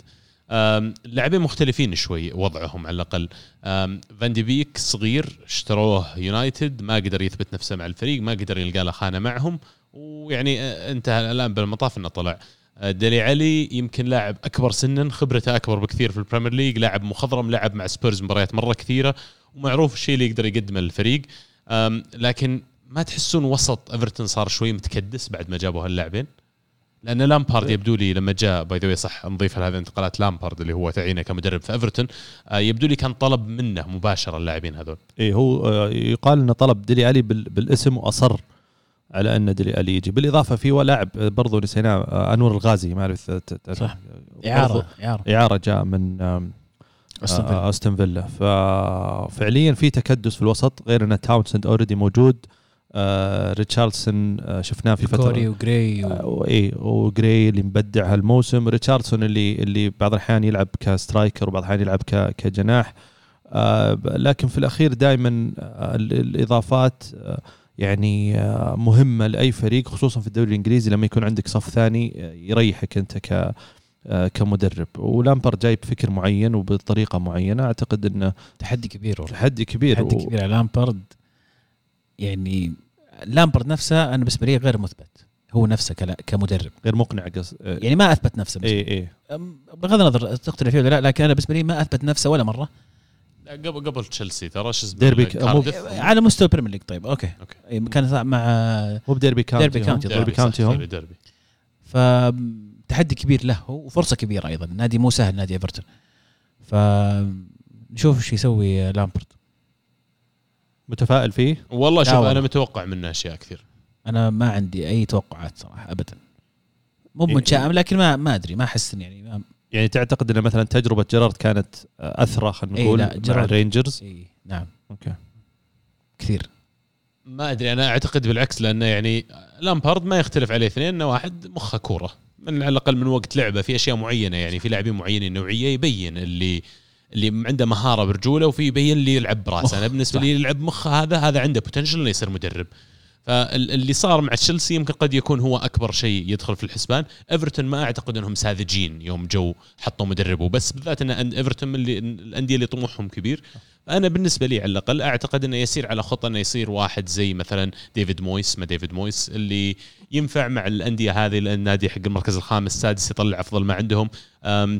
بس بشوف أنا فعلا ال- التشكيلة اللي موجودة عنده اليوم أعتقد راح يكون في خاسرين بالانتقالات هذه اللي تمت. فيعني ما أدري وش راح يكون اعتماده على ريتشارليسون آه، ما أدري كيف بيكون اعتماده على خط الوسط اللي موجود عنده من دكوري يعني كان في تاونسند جراي حتى على المستوى الهجومي كلهم. يعني في في اثنين لاعبين من اللاعبين البارزين الممتازين راح يكونون احتياط. يعني ما راح ياخذون يمكن فرصة بشكل أساسي أو يعتمد عليهم بشكل كبير. نشوف شو يصير الصراحة معهم. النادي اللي بعد على ال list عندي ليفربول اللي سوى تعاقد واحد بس يعني برضو من وجهة نظري هذا أكبر اسم جاء لل Premier League في يناير يا شباب. وهذا لاعب أنا تكلمت عنه من قبل قلت لكم في لاعب اسمه لويس دياز في آه، بورتو وهذا شيء استهبال لو يشيل أي نادي جاء أكثر نادي يصلح له لأن ليفربول يعني مفصل تفصيل لأسلوب لعبهم وأسلوب لعبه هو والضغط اللي يسويه. فيعني الظاهر شروه بحول آه، 55 مليون pound إذا ما كنت غلطان 50 مليون pound آه، إضافة كبيرة أنا باعتقادي راح تكون بالذات إن هم مقبلين على فترة إن عندك أول كان فيرمينو صلاح ماني جوتا جاء استبدل فيرمينو بشكل كبير وصار يلعب ك false nine تقريبا. الآن الفترة الجاية جية دياز هذا تعني بالنسبة لي إن ليفربول يجهز للاستغناء عن واحد من ماني ولا صلاح. أنتم إيش رأيكم؟ واضحة لي واضحة بالعكس إيه. صدق؟ وذ- يعني هي استعداد مو بنا مو بنا مضمون خروج أحدهم هذا أول شيء. ثاني شيء صلاح ما جدد إلى اليوم ما جدد متى ينتهي عقده؟ أتوقع 2022 يعني باقي في موسم. هو في الشتاء جاء؟ آه، شتوية؟ يعني مو شتوية مو الصيف هذا القريب إيه. الصيف اللي بعده أعتقد ماني متأكد. اي اي يعني 23 اي عموما إذا ما جدد صلاح أعتقد انه في توجه إنه ينباع بدل ما يخسرونه مجانا. يعني شيء صايرين نشوف الفترة هذه كثير من الأندية يخسرون لعيبتهم بشكل مجاني. لأنه كل يعاند لين يتأخر الوقت ويطلع بشكل مجاني. ف جية دياز أعتقد إن فيها شيئين. الشيء الأول خيار إضافي للاعب يلعب على الأطراف سواء بديل لصلاح بديل لماني يقدر يلعب على الطرفين. آه، المباريات كثيرة قدام ليفربول فراح يفيدوا في موضوع التدوير. الشيء الثاني إذا فعلا والله ضبط اللاعب وصار فنان وممتاز يقدرون بعدين يستغنون عن أحد هذه اللاعبين ماني أو صلاح سواء إذا خسروا صلاح مجانا أو باعوه أو باعوا ماني ما أدري ممكن يصير يعني. ممكن يجي عرض صعب تقول لا. ف 2022 يخلص عفوا 2022 في. الصيف هذا. مكتوب آه، بداية عام 2022 شلون؟ لا إحنا بدينا 22 خلاص. آه يعني ع- 2023 إيه يعني إيه. باقي سنة. اي يعني الم... إذا هو آه، حز... يعني ما أعرف صراحة إذا هو جاء في الشتويه فبالتالي يصير باقي له سنة فبداية 2023 إيه. يصير ينتهي عقده. فصعب إنه أصلا يطلع لكن الواضح إنه أصلا طريق مسدود بين ال- ال- الفريقين وواضحه أصلا. القرار الآن أعتقد أو الكورة في ملعب آه، آه، محمد صلاح؟ إنه قالوا آه مو بعند آه، ليفربول. أعتقد ان ان حسب تعرف ما في شيء الحين رسمي ولا في شيء تقدر طبعا إيه. تستند عليه لكن حسب الأخبار إن ليفربول هو طلب راتب معين. قالوا ليفربول ما راح نعطيك هذا الراتب. يعني ما راح نقدر نعطيك هذا الراتب. إحنا حدنا هذا الراتب. ف... تبي ولا؟ تبي آه، يعني أهلا وسهلا. ما تبي ممكن إحنا نشوف نتفاوض بتمشي بنبيع يعني في أكثر أكثر أكثر من من نقاش. بس آه، أنا بشوف آه، دياز إضافة جدا ممتازة أكيد وواضح انه بديل لهذا الاثنين. لكن على مستوى يمكن بديل لفيرمينو. هل هل ليفربول يعني مأمن وضعه بهذا؟ فيرمينو طايح مستواه آخر موسم. جوتا قاعد يقدم مستوى أكثر من رائع لكن إذا فيرمينو طلع إذا فيرمينو فيرمينو استمر على هبوط هذا المستوى جوتا ما أعتقد إنه بيقدر يشيل الفريق بالحالة ف ما أدري يعني صعبة لكن فعليا صراحة لقطة. والغريب أو أو ال ال ال آه، ال- ال- الصعب على ليفربول إن دياز ما أعتقد إنه بيشارك في ال Champions League. ليه؟ مشارك مع بورتو. مو بطلوه القانون ذا. ما أدري والله صراحة. أنا خبر ان بطلوه صراحة. ما أتذكر بس أعتقد إن اللاعب اللي لعب مع فريق في دور المجموعات وانتقل في الشتوية ما راح يقدر يلعب أو يشارك مع الفريق في أدوار آه، متقدمة. طيب بالنسبة الحين يمكن باقي فريق ما عرفت. تقرا ما عرفت تقرأ ال notes حقت عبد الله؟ لا لا قريت في فريقين متبقيين. خلينا نبدأ. طب يمكن عشان الشباب آه، يمكن أتوقع الحلقة الماضية تكلموا عن نيوكاسل. آه، بشكل مفصل لكن بنشوف سبيرز لقطوا اثنين من اليوفي يا عزيز بنتنكور وكولوزوفسكي ما أعرف أنت وش مشاعرك عن هذول اللاعبين. وأعتقد آه، كو- بنتنكور بيع وكولوزوفسكي آه، إعارة. صحيح. كلوسفسكي إعارة مع حقية شراء تتفعل يتفعل إلزامية الشراء مع شروط معينة إذا تحقق مركز الرابع أو لعب عدد معين من المباريات. وعندهم صيف أتوقع سنتين يش- يشترونها فيه. يعني الزبده انها اعاره طويله مريحينهم. نبدأ بالمزح ولا نبدا بالجد؟ آه، عطنا المزح أول. المزح أول. شكرا براتيجي اللي هو يعتبر عميل لليوفي. كان إداري في اليوفي وهو اللي استقطب بنتنكور وكولوسيفسكي وراح هناك واستقطبهم مرة ثانية لما اليوفي ما عاد احتاجهم أو ما ضبطوا مع اليوفي. فهو لاعب خفي. اي بس مو بصحيح. يعني أنا قريت إن كونتي طالب ومصر صح. على بنتنكور بالاسم. ما أدري عاد هو أكيد انه أنا متأكد اثنينهم من طلب كونتي. أوكي. معرفتي بكونتي ما يجي لاعب ما يجي رئيس يقول له اسمع خذ اللاعب هذا. أي، ما صح، هو صح. يقول أجيب لي فلان. صح. جديا كلنا نعرف كونتي يختار لعيبة. أحيانا تقول وش سر إن كونتي ماخذ اللاعب ذا يبي اللاعب ذا. ارجع لي كونتي مع أي نادي أو حتى مع المنتخب الإيطالي كان في أسماء ما تدري ليش موجودة لكنها تلعب بشكل سواء أساسي أو تجي من الدكة وكانت تقدم مستويات ممتازة.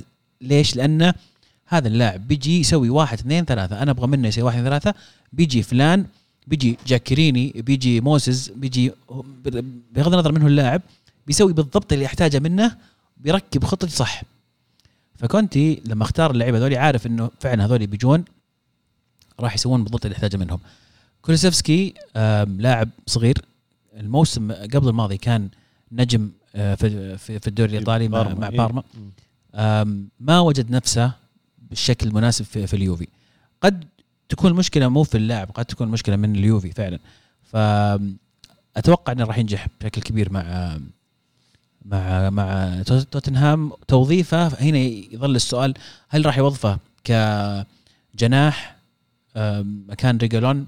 ولا راح يكون أقرب إلى إلى سون جنب سون ورا هاري كين ففي لسه في تساؤلات كيف راح يلعب صح. كولوسيفسكي لكن أتوقع إنه ما اختار إلا شايف شيء معين راح يطبقه مع إضافي. هذا اللاعب خصوص اسلم بنتنكور على على الجهة الأخرى لاعب ممتاز انخفض مستواه خلال آخر كم سنة أخطاء اكثرت لكن لاعب عنده كواليتي عنده جودة عنده قدرة على استلام الكره والدوران التحكم في رتم المباراة.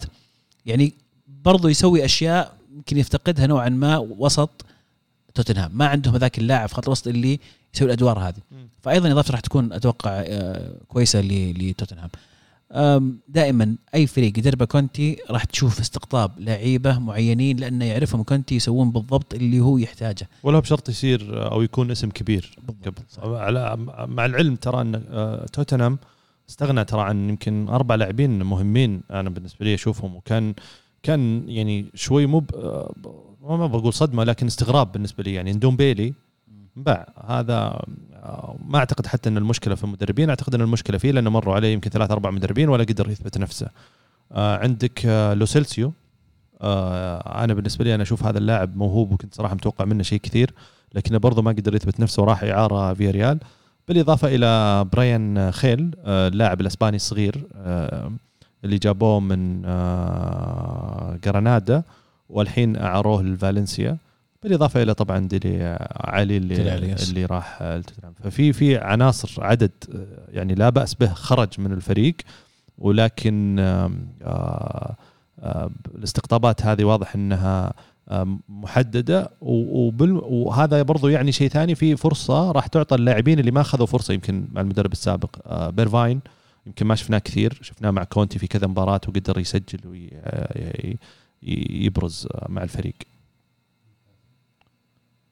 آه، أبو عبد الله في كان عندنا يمكن تساؤل أنا وعزيز آه، يخص اللاعب اللي شارك مع فريق في دور المجموعات في ال Champions League وانتقل لفريق آخر في في الشتوية. هل يقدر يلعب؟ يقدر يلعب. إيه. يسجل طبيعي. تغير القانون. الظاهر صار الحين unlimited آه يعني دياز بيقدر يشارك مع إيه ليفربول. دياز ظاهر إنه بيقدر يشارك. يعني هذا شيء إضافة آه، جدا. محتاج أتأكد بس أنا شبه متأكد من المعلومة إيه. إنه بيقدر يلعب. آم، أتذكر إن صارت تغيرت الظاهر آه، على على لاعبين أو ثلاثة ما أدري بس أنا أتذكر إن انحلت السالفة. هنا إضافة ممتازة ليفربول صراحة في ال Champions شو عندنا بعد نيوكاسل يمكن نيوكاسل. جبت طاريهم لا لسه. طيب نيوكاسل يمكن آه، بالنسبة لي هم أكبر الكاسبين في يناير وأهنيهم أهنيهم على الانتقالات اللي بدأ يناير وقاعدين يرتبط نيوكاسل بأسماء أنا بالنسبة لي ما كان قدمت value كبير للنادي. أتكلم عن أرون رمزي أتكلم عن مارتيال. لاعبين راح يكون مرتبط فيه premium عالي جدا وقيمة أعلى بكثير من اللي بيقدم لك إياه على الملعب. ثم انتهى السوق. والله الانتقالات اللي سووها انتقالات بالنسبة لي منطقية. أول شيء ركزوا بشكل كبير على اللاعبين اللي already موجودين في ال Premier League وناجحين في ال Premier League انتهى يناير هم صارفين 90 مليون pound لاعب واحد هو اللي قد يكون كلفهم الجزء الأكبر من ال budget هذا اللي هو برونو جيميريش إيه. جاي من ليون. لكن اللاعب حتى برونو تم يعني اختياره يبدو لي ب يعني خلينا نقول بوعي كبير. لأن لما تجي تشوف أرقامه هو الظاهر ثالث أكثر لاعب آه، سوى آه، آه، فرص في الدوري الفرنسي كلاعب من لاعبين الوسط. ثاني أكثر لاعب tackles ثالث أكثر لاعب استرداد الكرة. لما تجي تشوف كل الأرقام الدفاعية ولا الهجومية ال rank حقه عالي جدا من ضمن لاعبين وسط في دوري موجود فيه باريس. يعني باريس عندهم ثلاثة المفترض أنه دائما بتشوف هذول الثلاثة أعلى شيء لكن آه، برونو أعتقد انتقال حكيم صغير في السن آه، للمدى البعيد هو الوحيد اللي يمكن اشتروه على أساس إنه يبقى معاهم مدة طويلة. بس باقي حتى اللاعبين اللي جابوهم تتكلم عن تريبيير تارجيت آه، دان بيرن وكريس وود كلهم لاعبين Premier League through and through يعني تريبير الوحيد اللي طلع من ال Premier League راح الليغا بس إنه يعني في الأخير واحد عليه الكلام Premier League لاعب خبير وجاهز إنه يؤدي اليوم.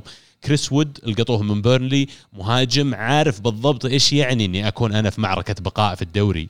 عارف يعني آه، ال- خلينا نقول المذابح اللي لازم يصير على أساس أنا النادي حقي أقدر أخليه في ال Premier League وآخر شيء دان بيرن وتارجت يعني كان ناقصهم فعلا في الدفاع أسامي. ودان بيرن مع برايتون السنة هذه ممتاز كان ولاعب ممكن يعطيهم حتى يعني أكثر من سنتين ثلاث سنين ممكن يكون جزء من الفريق على المدى الطويل. آه، تارجت واحد جاهز ظهير يسار كان عندهم فجوة كبيرة في الظهير يسار. يعني اليوم أنا أعتقد بالخمس انتقالات هذه نيوكاسل يلقى نفسه في مكان أفضل بكثير من ما كان بداية الدوري. أنا ما أدري عن كريس وود صراحة. يعني استغربت حتى صفقة. لو ما جاء منها إلا انه اخذوها من المنافس آه، هذه تكفي. أوكي. 30 مليون pound بس وعندهم ترى إصابات. 30 سنة عمره. ويلسون إصابته طولت. إيه. ما ف- يحتاجون مهاجم. بس فعلا ترى ال- البرازيلي يعني لقطة. هذا ممكن يلعب. أتوقع أتوقع فعلا. لعيب. يعني بدون مبالغة ثلاث أرباع البريمير ليج يقدر يلعب فيه أساسي. إذا مو بكله. إذا مو كلهم yes إيه. ترى actually كلهم. أتوقع كلهم؟ أتوقع كلهم. مين في؟ سيتي. حتى السيتي بيلعب. حتى ليفربول بيلعب. حتى يونايتد أرسنال تشيلسي. والله ما أدري. أنا في يونايتد بيلعب إيه. بالراحة. هاي يونايتد مو بنقاش. أرسنال بيلعب بالراحة. يمكن بس هي ليفربول تشيلسي. والله حتى ليفربول. ترى. وسطهم آه، أجل أجل خاص تشيلسي و... والسيتي. يعني ما أدري الصراحة بس إن هذه اتخيله واحد خرافي يعني. والأهم من هذا كله. جيبت آه، شو اسمه آه، إدي هاو. إيه. صح. إدي هاو يعني اللي يتذكر إدي هاو يوم كان مع بورنموث بنى بورنموث ترى بطريقة أو اشتهر عنه أنه يلعب الكرة القدم ال expansive أو اللي هي تعتمد بشكل كبير على ال total football الملعب المفتوح ال- ال- التركيز على الاستحواذ والاحتفاظ بالكورة. لكن لما بورنموث وصل للبريمير ليج حاول بدأ يغير في النادي من من كونه لاعب أو نادي يعتمد على الاستحواذ وال total football إلى شيء واقعي بشكل أكبر إنه فريق يلعب على المرتده في ظل وجود أندية قوية في البريمير ليج. لكن ما اسعفه الوقت في الفترة الانتقالية هذه ما بين كونه فريق يستحوذ إلى كونه فريق يلعب على المرتده ما يعني أخذ وقت إنه يضبطون ال style وهو في الأخير دفع الثمن بانه اقالوه لكن اليوم تعاقدهم مع كريس وود وكل اللاعبين هذول أعتقد ترى جو على طلب من المدرب وجو في تنسيق مع المدرب إدي هاو على استقطابهم. يعني إن نيوكاسل راح يصير واقعي في اللعب وراح يلعب على الهجمة المرتدة راح يستفيد من وجود هذا ال target man اللي قدام. الهدف واضح الهدف واضح نبغى المركز ال 17 المرة يعني ما أبغى أكثر من ال 17 18 19 20 يهبطون أنا أبغى ال 17 وأعتقد الانتقالات اللي سووها هذه كفيلة بأنها توصلهم للمكان هذا. إن شاء الله. والصيف يحلها حلال هين. استقطاب ترى زي برونو ما أتوقع إنه سهل و يعني statement يوضح لنا ترى في في أسماء كويسة قاعد تجي. شوف في الصيف عاد مين بيجي؟ أسماء سواء مجانية أو انتقالات. ويقال جابوا يقال إن النادي أول شيء الحين ما فيه ترى رئيس تنفيذي ولا في مدير كرة ولا في ولا شيء الحين يعني تو شروه. الظاهر فنش اللي موجودين والآن أماندا ستيفلي الظاهر تدير. ويقال إنها جابت واحد مستشار. consultant ما أدري وين يشتغل في ريدنج أو ما أدري أحد الأندية بس إنه معروف عنه موضوع ال- analysis هذا حق اللاعبين. جابوه كمستشار خلال يناير بس جاء تفاهم يقول لك مع ذا ال- ال- الوكلاء والأندية وقفل لهم ال transfers كلها ومشى. يعني آه، غريب الصراحة كيف قاعدة تدار الأمور هناك بس إنه آه، win win الصراحه يعني, يعني آه، زي ما قلت عبد الله أنا أعتقد الهدف واضح هدف بقاء الموسم هذا وبعدين لكل حادث حديث. سبيرز قفلتوهم صح؟ صح أي. أوكي هذا اللي والله كان عندنا على لسته انتقالات البريمير ليج آه ما تكلمنا ما عن أشوف المباريات. آه، ارسنال ما أشوف مانشستر يونايتد ما أشوف ما السيتي تحركوا ما تحركوا ما أشوف ارسنال جابوا لاعب أمريكي ترى بس ارسنال كان ال business خروج أكثر مما أي. هو وجية كولاسيناتش طلع اوباميانج طلع آه تشامبرز طلع بس صادق في بداية كلامك كنت تقول هذول الفايزين فعلا هذول اللي, صح. اللي فعلا سووا انتقالات فرق في في إيه يمكن. انتقالات على آه، لاعب لاعبين فرق ثانية بس فعليا هذول هم اللي بارزين أو اللي انتقالاتهم فعليا ممكن تفرق معهم وتأثر على نتائجهم صح. آه، ما تبقى من الدوري جنة كرة القدم يا؟ عزيز. حدثني عن جنة. كرة القدم لاعبين جدد مسجلين. سلام تبي نتكلم عن يوفي أول ولا دربي الغضب؟ والله اللي ودك اللي ودك خلينا نبدأ بقليل الدسم باليوفي الحين يلا. ال... أحد الفائزين في في الميركاتو الشتوي أنا بالنسبة لي أو خلينا نقول أنا كان في سؤال على حساب الكره معنا في تويتر أنا بالنسبة لي الفائزين نيوكاسل. واليوفي. اليوفي استقطب هداف الدوري الإيطالي و لاعب يحتاجه جدا جدا في خانة الوسط لاعب من من طينه اللعيبة اللي يقطع الكره لاعب destroyer يسمونه. فاستقطابين ممتازين. لكن فوق هذا كله تخلص من أعباء ثقيلة كانت عليه. لاعبين ما يحتاجهم وبس بمبالغ كبيرة. قيمة انتقال كلوسيفسكي وبنتنكور 70 مليون اثنينهم إذا تمت. أوف. هاي تغطي لك آه، آه فلاوفيتش فلاوفيتش أصلا فلاوفيتش صفقته من راتب رونالدو. السنة الأخيرة اللي رونالدو ما قاعد فيها في اليوفي هذا الراتب راح انشر فيه فلاوفيتش لكن تخيل يعني كمية الرواتب الكبيرة اللي كانت يتحملها اليوفي. وطبعا رمزي. رمزي انتقال رمزي للرينجرز ومع تحمل 30% من الراتب لكن يظل آه، رقم كبير للتخلص من اليوفي. ففي أول مباراة لهم يسجلون اللاعبين الجداد فلاهوفيتش وزكريا. ما ودي نطول في الموضوع كثير. أم، 4 3 3 كانت مفاجأة تشكيلة بالنسبة لل- للبعض.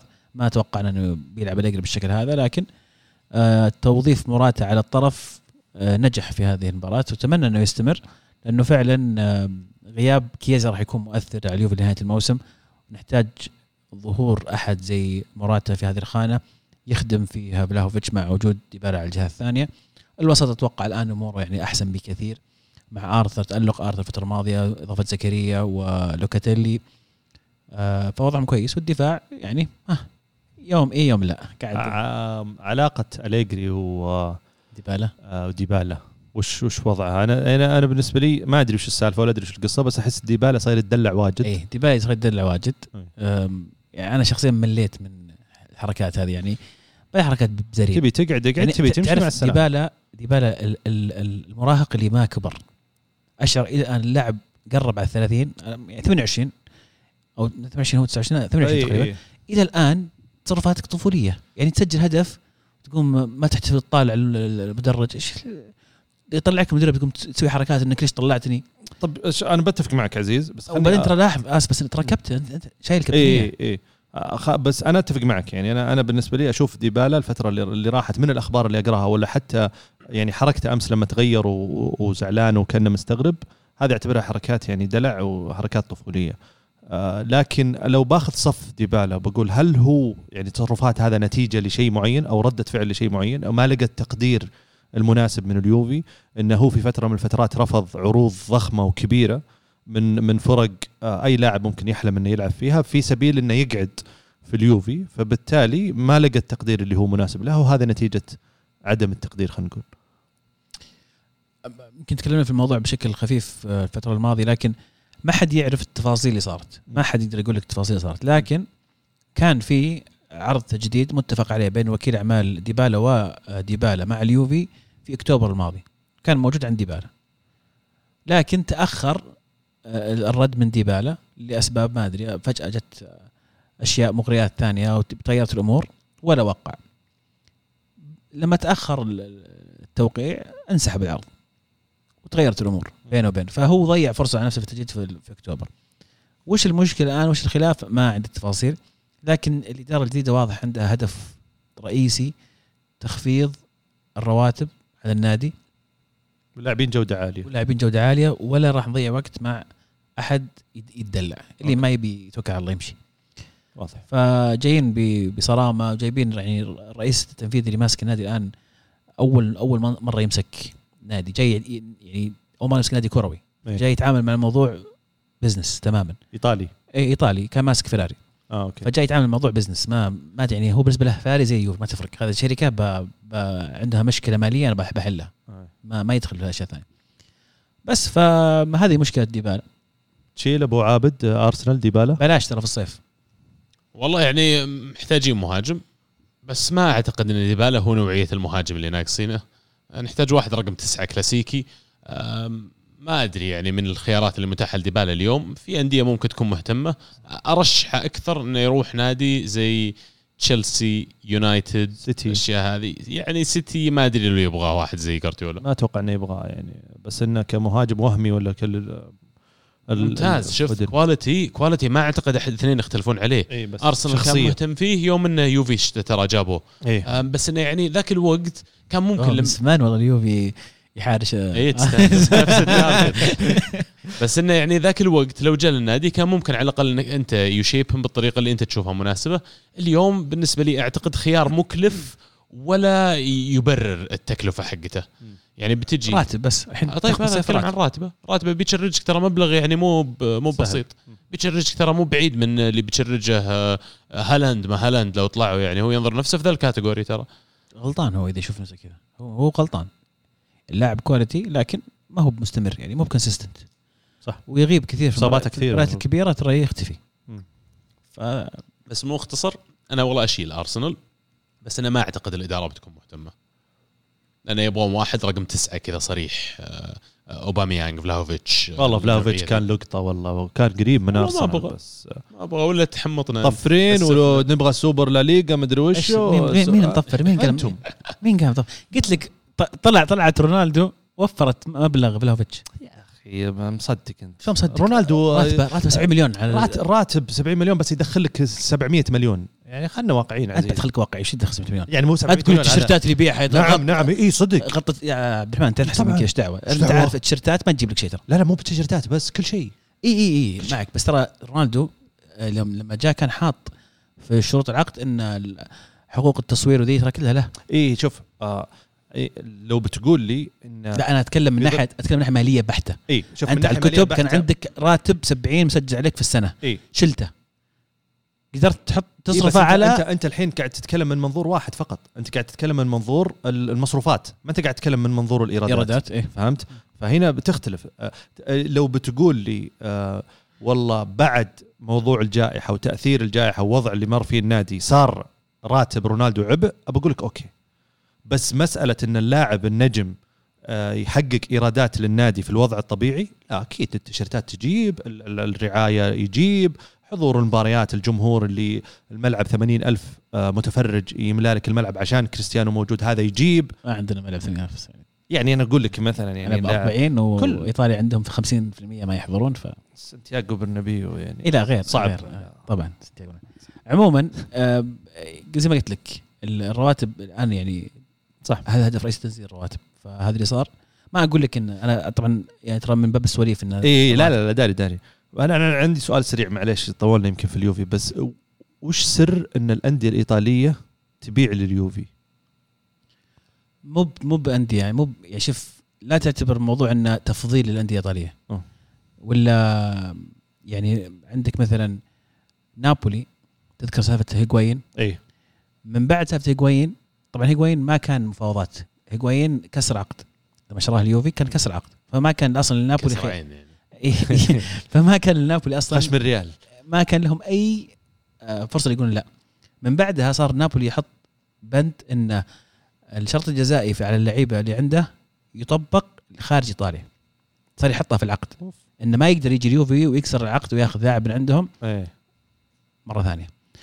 فهذا واحد. اثنين فيورنتينا مثلا عدوهم اللدود اليوفي. إيه من, أي من أيام باجيو أنا مستغرب. ويستمر اليوفي يجي وياخذ اللعيبة. وش المشكلة؟ اللاعب يصير يبغى اليوفي. يصير هو رغبة اللاعب اللي في إيطاليا لما تصير قوية ترى أقوى عامل يساهم في انتقال اللاعب اليوفي. وقس على ذلك مو بس كثير من من اللعيبة. لاعبين. ف فلاهوفيتش كان يبغى يقعد في إيطاليا وكان يبغى اليوفي. هذا هذا هذا اللي خلاه يجي. عز كان عنده عز. الله إنه لقطة والله. إي والله. نبيع عليكم ان شاء الله بعد كم سنة. لا لا بيجينا إحنا ايرلينج. ما عاد صار مبابي مبابي مبابي خلص خلص. في منه. وقع يقولون. خلص. إي خلص معاه هالاند ايرلينج والله أتوقع إنه وقع صدق. كيليان والله. يعني يقولون إنه أتفق في اتفاق بس لما سئل لأن الأخبار اللي طلعت كثيرة سئل في مقابله أمس مدري قبل أمس مبابي. قال إي مبابي إيه طبعا قال- يمكن ما يقدر يقول لا لا ما قال إني وقعت يعني لا كان واضح وصريح قال ما أقدر أتكلم عن عن فريق آه، أنا منافس لي. يمكن لو ما كان هو منافس لي في ال Champions League في دور 16 وعندي مباراة قريبة وقع منه. وقع. كان يعني ممكن وقع. كان ممكن تكلمت بس آه، إيه. صعب إني أتكلم عن عن فريق منافسي الآن هو في ال Champions League فالوضع تغير نشوف الآن. المتخاذل في المباراة؟ من هو بس؟ هو مبابي. لا بالعكس المفروض يبي يجلدهم. والله بياكل. أنا لو مكانه حتى لو بروح لهم والله بجلدهم. عشان أوريهم لما أجي أنا بلعب أساسي ترى توني جالدكم. أحلى شيء في احمد الموضوع. ربكم جيتكم أقول لهم. أحلى شيء راموس يمكن مو بلاحق على المباراة يعني هذا حسافه والله قهر شيء هذا اللي فرقت معك. من الفريق كله فرقت معك راموس مو بلاحق المباراة. إي والله. صدق والله. هو يشوف. عاطفيا يعني؟ إيه. okay مو بإنه مستوى لا. مستوى لا لا. مستوى عندك الثلاثة اللي قدام يروعون طال عمرك. بيخلي لوكاس فاسكيز تصافق رجوله مبابي إذا جاء من عنده. هذا ال... هذا الخوف صدق. ديربي الغضب. ديربي الغضب ديربي الغضب. ميلان يقلب أم حسابات الدوري الإيطالي ويفوز على إنتر 2-1 آه هدفين من اوليفيه جيرو. شيء كبير الصراحة الميلان يعني المباراة أصلا قبل أي شيء ثاني دائما مشحونة المباراة دائما مشحونة. وعشان كذا ميلان جاهم كرت أحمر في الأخير عشان يقولون فزنا عليكم رغم الطرد. آه هذا بس فوق البيع يعني. إيه تصرف غبي صراحة. إيش فيه؟ كسرة فيه؟ والله مو لا واضح إنه لا لا ينفرد. لا فايز والله ما يروح. وين ينفرد؟ في نص الملعب إيه لا لا؟ ولا ما لا يروح. لا يروح. آه يا أخي. الاحتياط واجب. قلبت الديربي أنت قلبت الديربي مباراة نوعا ما تعتبر في أرض إنتر. قلبت الديربي لا لا لا يروح ذا لا يروح. عدد المشكلة إن أصلا واضح. اي اي أنفرد. ناصي رجله ولا شاته؟ وين بعيد. اي اي ومتصالح مع القرار أصلا؟ اي عضو إيه. مشي عرفت يجي دمفريز يدفه عادي خلاص دفني. أنا آسف لا غلطان. ماشي أنا رايح لا مباراة زي كذا ما تتحمل أتوقع إن الشحن وتقعد طول الأسبوع أصلا. وين ما تروح وين ما تتعشى وين ما تاكل يجيك أحد يكلمك الديربي ها؟ لا تنسى الديربي تكفى ها؟ لا يروح كذا الوضع فتره اي اي اي فيجي اللاعب مشحون جاهز. طبعا بالفوز هذا الآن إنتر بقى لهم مباراة لكن صار الفرق بين ميلان في المركز الثالث وإنتر نقطة واحدة ترى إيه. ونابولي معهم إيه. نابولي مع نابولي ميلان نابولي مع ميلان إيه. wow. 52 اثنينهم و53 إنتر بس إنتر بقت لهم مباراة إيه يعني. فتح الدوري على مصراعيه صراحة ميلان. خدم الدوري بشكل كبير بالفوز هذا كل إيطاليا كانت تشجع ميلان أتوقع أمس أنا أهم شيء ما كان يعني إنتر يبعد يبعد بزيادة فمباراة ممتعة جدا حلوة صراحة. والله إيه. كانت المباراه الصراحه يعني شوط شوط قسموها. شوط أول كان إنتر شوط ثاني كان ميلان. إنتر آخر مرة خسر على أرضه كانت آه، أكتوبر 2020 واو. واو. من ميلان. أوه واو. اي هذه أمس كانت تعتبر قبل أمس كانت تعتبر على الأرض. سنتين تعتبر اي سنتين. تعتبر على الأرض. والله شوف انتر فريقهم مرتب وقوي طبعاً بس في الدوري يعني. اي طبعا اي بس إنه يعني ميلان أمس بقيادة جيرو صراحة عرفوا كيف تؤكل الكتف. عرف كيف إن حتى الفرص اللي نص فرصة إذا استغلتها سجلت جول قبل المباراه هدف جيرو صراحة الثاني خرافي. هاي والله ناس والله. مه... أنا أحب المهاجم قسم بالله إنه فنان. قروشة. يا أخي لا لا مهاجم يلعب. مخه يلعب مخه. يلعب مخه وقرو- أنيق إيه. انيق عرفتي؟ لمستين سكوربيون كذا عرفت شيء؟ بس دبل كذا أشياء بسيطة لا و... و... و... يعني فعليا هذا اللاعب اللي يعجبني فيه إنه دائما جوعان دائما تحسه متعطش ما إيه. تحسه يعني مباراة دقيقة 80 وينزل وسط الملعب يستلم الكورة ويفتح اللعب ويرجع يفتح آه، قدام فهذا النوع فعليا من المهاجمين اللي أنت تحتاجه غير إنه أصلا آه، تك... التكنيك عنده مرة عالي يعني شغل اللي. الكورة تجي وراه ويلقطها قدامه شوي طويلة كيف يعد الجسم على أساس- يتفلسف. مو بلازم يتفلسف. آه، الكل اللي يسمعون البودكاست حقنا من أول يعرفون yes. وجهة نظري في اللاعب هذا. يعني أنا مؤسف بالنسبة لي إني أشوف الآن أرسنال آه، استغنى عن اوباميانج آه، ما في مهاجمين. لقى زي يعني مو على قدر الم- المقام. وآخر شيء كان عندك واحد زي جيرو. كان ممكن إنك تجلسه وتستفيد منه بس يعني للأسف الظروف أدت للموضوع هذا. بس مكسب كبير للميلان الصراحة. ويعني أنا أشوفه واحد بيلعب دور كبير لنهاية الموسم مع الفريق. أتفق. مبروك جمهور ميلان. خسارة خسارة أتلانتا الغريبة صراحة أعطت اليوفي الفرصة إنه ياخذ المركز الرابع. رغم إن أتلانتا عندهم لسه مباراة مؤجلة يمكن غير كذا ما في إلا فوز لاتسيو 3-0 على فيورنتينا. لاتسيو عندهم عندهم آه، نزلوا فيديو على حسابهم. أنصح الجميع يدخل على الحساب يتفرج على الفيديو. قبل فترة تكلموا كان يكلمون ساري في المؤتمر الصحفي. يقول إن أوف اليوم كانت المباراه هذه ساري ball ساريسمو ساريسمو آه، ساري ball ساريسمو يسمونه. قال إحنا ما نلعب بلاي ستيشن وش اللي ساري ball ده؟ ما في إحنا كل مباراة لها طريقة معينه ما في طريقة واحدة تنزل فيها play مو بلاي ستيشن هو. فراحوا لاتسيو نزلوا فيديو ال- اللعيبة والأهداف يسجلونها واللمسات وكذا. وفي الاخير وطول الوقت كذا في لقطة تطلع واحد ماسك يد بلاي ستيشن يلعب عرفت؟ في الأخير يحطون مقطع ساري يقول هذا مو بلاي ستيشن this not بلاي ستيشن هذا واقع. اي هذا واقع. ممتعين صراحة لاتسيو شغالين صح. كذا نكون خلصنا الدوري الإيطالي ونوصل لبطل وبصل. مين جاهز يا شباب؟ عزيز أنا رافع يده وبعدين بزاحم بس ببدأ عزيز رفع يده أول. آه بشكل سريع جدا بدون ما يعني أدخل في التفاصيل. البطل السنغال البصل جرينوود الهدف هدف جيرو الثاني طبعا. تبغى تتعمق ولا تبغى لا لا أتوقع كل واحدة واضحة ما يحتاج ان يعني نتكلم فيها. بداحم طيب أنا أنا زيك عزيز برضو بقولها ب- بشكل واضح لأن أتوقع كل واحدة تشرح نفسها. البطل بالنسبة لي آه، آه، جاباسكي حارس منتخب مصر على اللي قدمه الحين هو اسمه جاباسكي ولا أبو جبل؟ لا لا لقب هو أبو جبل محمد أبو جبل آه. جاباسكي تريزيجيه مو باسمه تريزيجيه لا لا تريزيجيه عارف بس هذا طيب. كاتب هنا جاباسكي جاباسكي أعتقد إنه كان مدرب له سابق مدرب حراس من يوم ما كان نوع صغير. قهوة هي الظاهر أي والاسم يعني اي اسم مدرب سالفة قرأت ثلاث سوالف في حلو. نفس اليوم بس. إنه تأليف اي آه، جاباسكي حارس منتخب مصر. ال- البصل بالنسبة لي آه، لاعبين مصر المحترفين اللي تخلوا عن تسديد ركلات الجزاء في وقت الحزم في وقت ما احتاجهم الفريق. آه، هدف هدف اسنسيو ماركو اسنسيو أحس ال shot ال- اللي يشوتها وعلى الواقف اللي فجأة تروح في النص قبل ما توصل باب تلف كذا يسار. فكان هدف حلو. okay هيجي. ما دامكم اختصرتوا الصراحه أحس بالضغط بس لا أنا ودي اشرح أشرح صراحة. البطل نيوكاسل اللي قدر في نهاية سوق الانتقالات إنه يطلع بفريق يعني شكله مختلف تماما ويبدو لي إنه ما عاد هو الفريق على الأقل على الورق مرشح على الهبوط. يبقى بس الموضوع على المدرب كيف يحط هذه ال resources اللي موجودة عنده بطريقة يقدر يعني يخرج من قاع الدوري إلى مكان يضمن له الوجود في البريمير ليج الموسم القادم.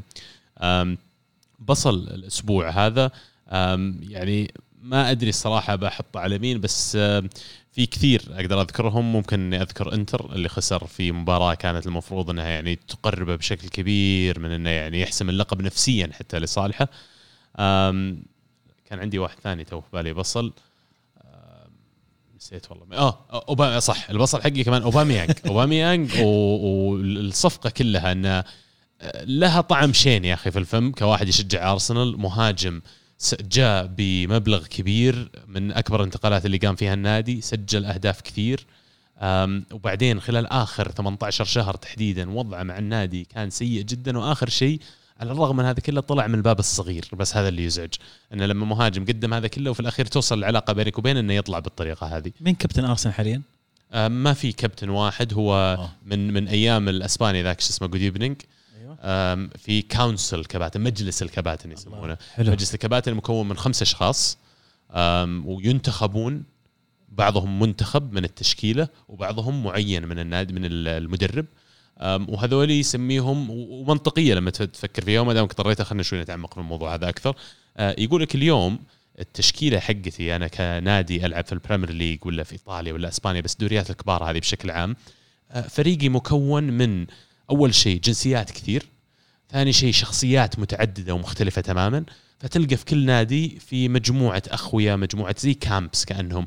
فكل أربعة شلة. خمسة بالضبط شلليه في النادي الأندية. فيقول لك أنا لما أجي أختار واحد أحطه كابتن ما عاد هو أول زي إحنا مثلا في الخمسينات ولا الستينات نادي زي أرسنال تلاقي 23 لاعب كلهم إنجليزي وعندهم واحد فرنسي. لا ال- ال- اليوم الكرة انترناشونال بشكل أكبر. فيقول لك عشان أنا أتخذ قرارات لها علاقة بالنادي لازم أنا عندي ناس قبيلين أتكلم معهم. فهذا ال- ال- الوظيفة حقت مجلس الكباتن هذا اللي مسمينه اللي هم ممثلين عن الشلل هذولي أو عن ال- ال- ال- النوعيات المختلفة اللي موجودة في النادي. فلما تفكر فيها في الجانب هذا يقول لك إن أنا لما أجي أسوي قرار معين يمكن أنا أجي أستشير منهم اثنين ولا ثلاثة اللي أكثر ناس راح يؤثر عليهم القرار هذا. بس اليوم ردا على سؤالك بس في الظاهر تشاكا آه، تيرني لاجازي من ضمنهم صح؟ وكان طبعا اوباميانج بس يعني أه، هذا هذا الوضع حاليا في النادي. الهدف الأسبوع واللي هو الصراحه بالنسبة لي هو الأجمل هدف تلسكا على الطائي. أه، تلسكا في ال mood ويعني كان ممكن بالراحة أعطيه بطل الأسبوع لكن يعني نيوكاسل الصراحة بس من مبدأ التغيير لأني بعطيه هذا أفضل هدف. تلسكا كان مرة في ال mood واللي قدمه في المباراة شيء خرافي. قد تكون نوعية الطائي أقل شوي من ال average اللي بتقابله في الدوري السعودي لكن آه، مزج مزج أمس وهدف الكعب من أجمل الأهداف اللي شفتها الموسم هذا. تبنيطة إيش سميتها بداحم؟ بنطت الكورة صراحة بشكل آه، غريب. يعني أنا عدتها يمكن ثلاث أربع مرات عشان أشوف شلون الكورة يعني عادة بالكعب بديهيا تجي أرضية طقها بالكعب تجي أرضية. لا هو رفع رجله فوق و كان يعني ضربها. بطريقة معينة إيه. تكنيك معين خلاها تطلع كأنها زي شوطه آه، شو اسمه ذاك الفرنسي حق ميلان. آه مينيز. مينيز. إيه الهدف إيه. حق ميلان تذكرته يعني. ما أتذكر صراحة بس أنا ذكرني أكثر شيء أنا gamer. أنا. ذكرني الهدف لو تعرفون لعبة اسمها Rocket League إيه. ف Rocket League سيارات وفي كورة. تخيل إيه. أعرف أنا. أنا لخمت من نفسي. اي أعرفها تخيل. صدق يعني لأن لأن في في تكنيك في اللعبة إن الكورة لما تبنطها. فبالضبط زي اللي هو سواه اللي تضرب الكورة في الأرض مثلا ولا تضربها في الجدار تخليها تبنط بطريقة معينة. التكنيك الصراحة يعني صح الحارس شوي أقل مرة ثانية ال quality من المعتاد لكن معلومة اللخم وش ذا اللي فجأة كذا لف علي؟ حطها في التسعين وين؟ إيش قاعد تسوي أنت؟ عموما يستاهل هدف الأسبوع. صحيح. وبس والله كذا نكون وصلنا لختام حلقة اليوم. نتمنى تكونون استمتعتوا معنا فيها وآسفين يمكن على الإطالة والخربطة شوي كثير اليوم. ونذكركم تتابعونا على جميع حساباتنا على التواصل الاجتماعي موجودين على SoundCloud iTunes يوتيوب تويتر دور الكرة معنا so follow like subscribe وإن شاء الله وعدنا معاكم يوم الثلاثاء الجاي. كانت الكرة معنا والحين الكرة معكم. فمان الله.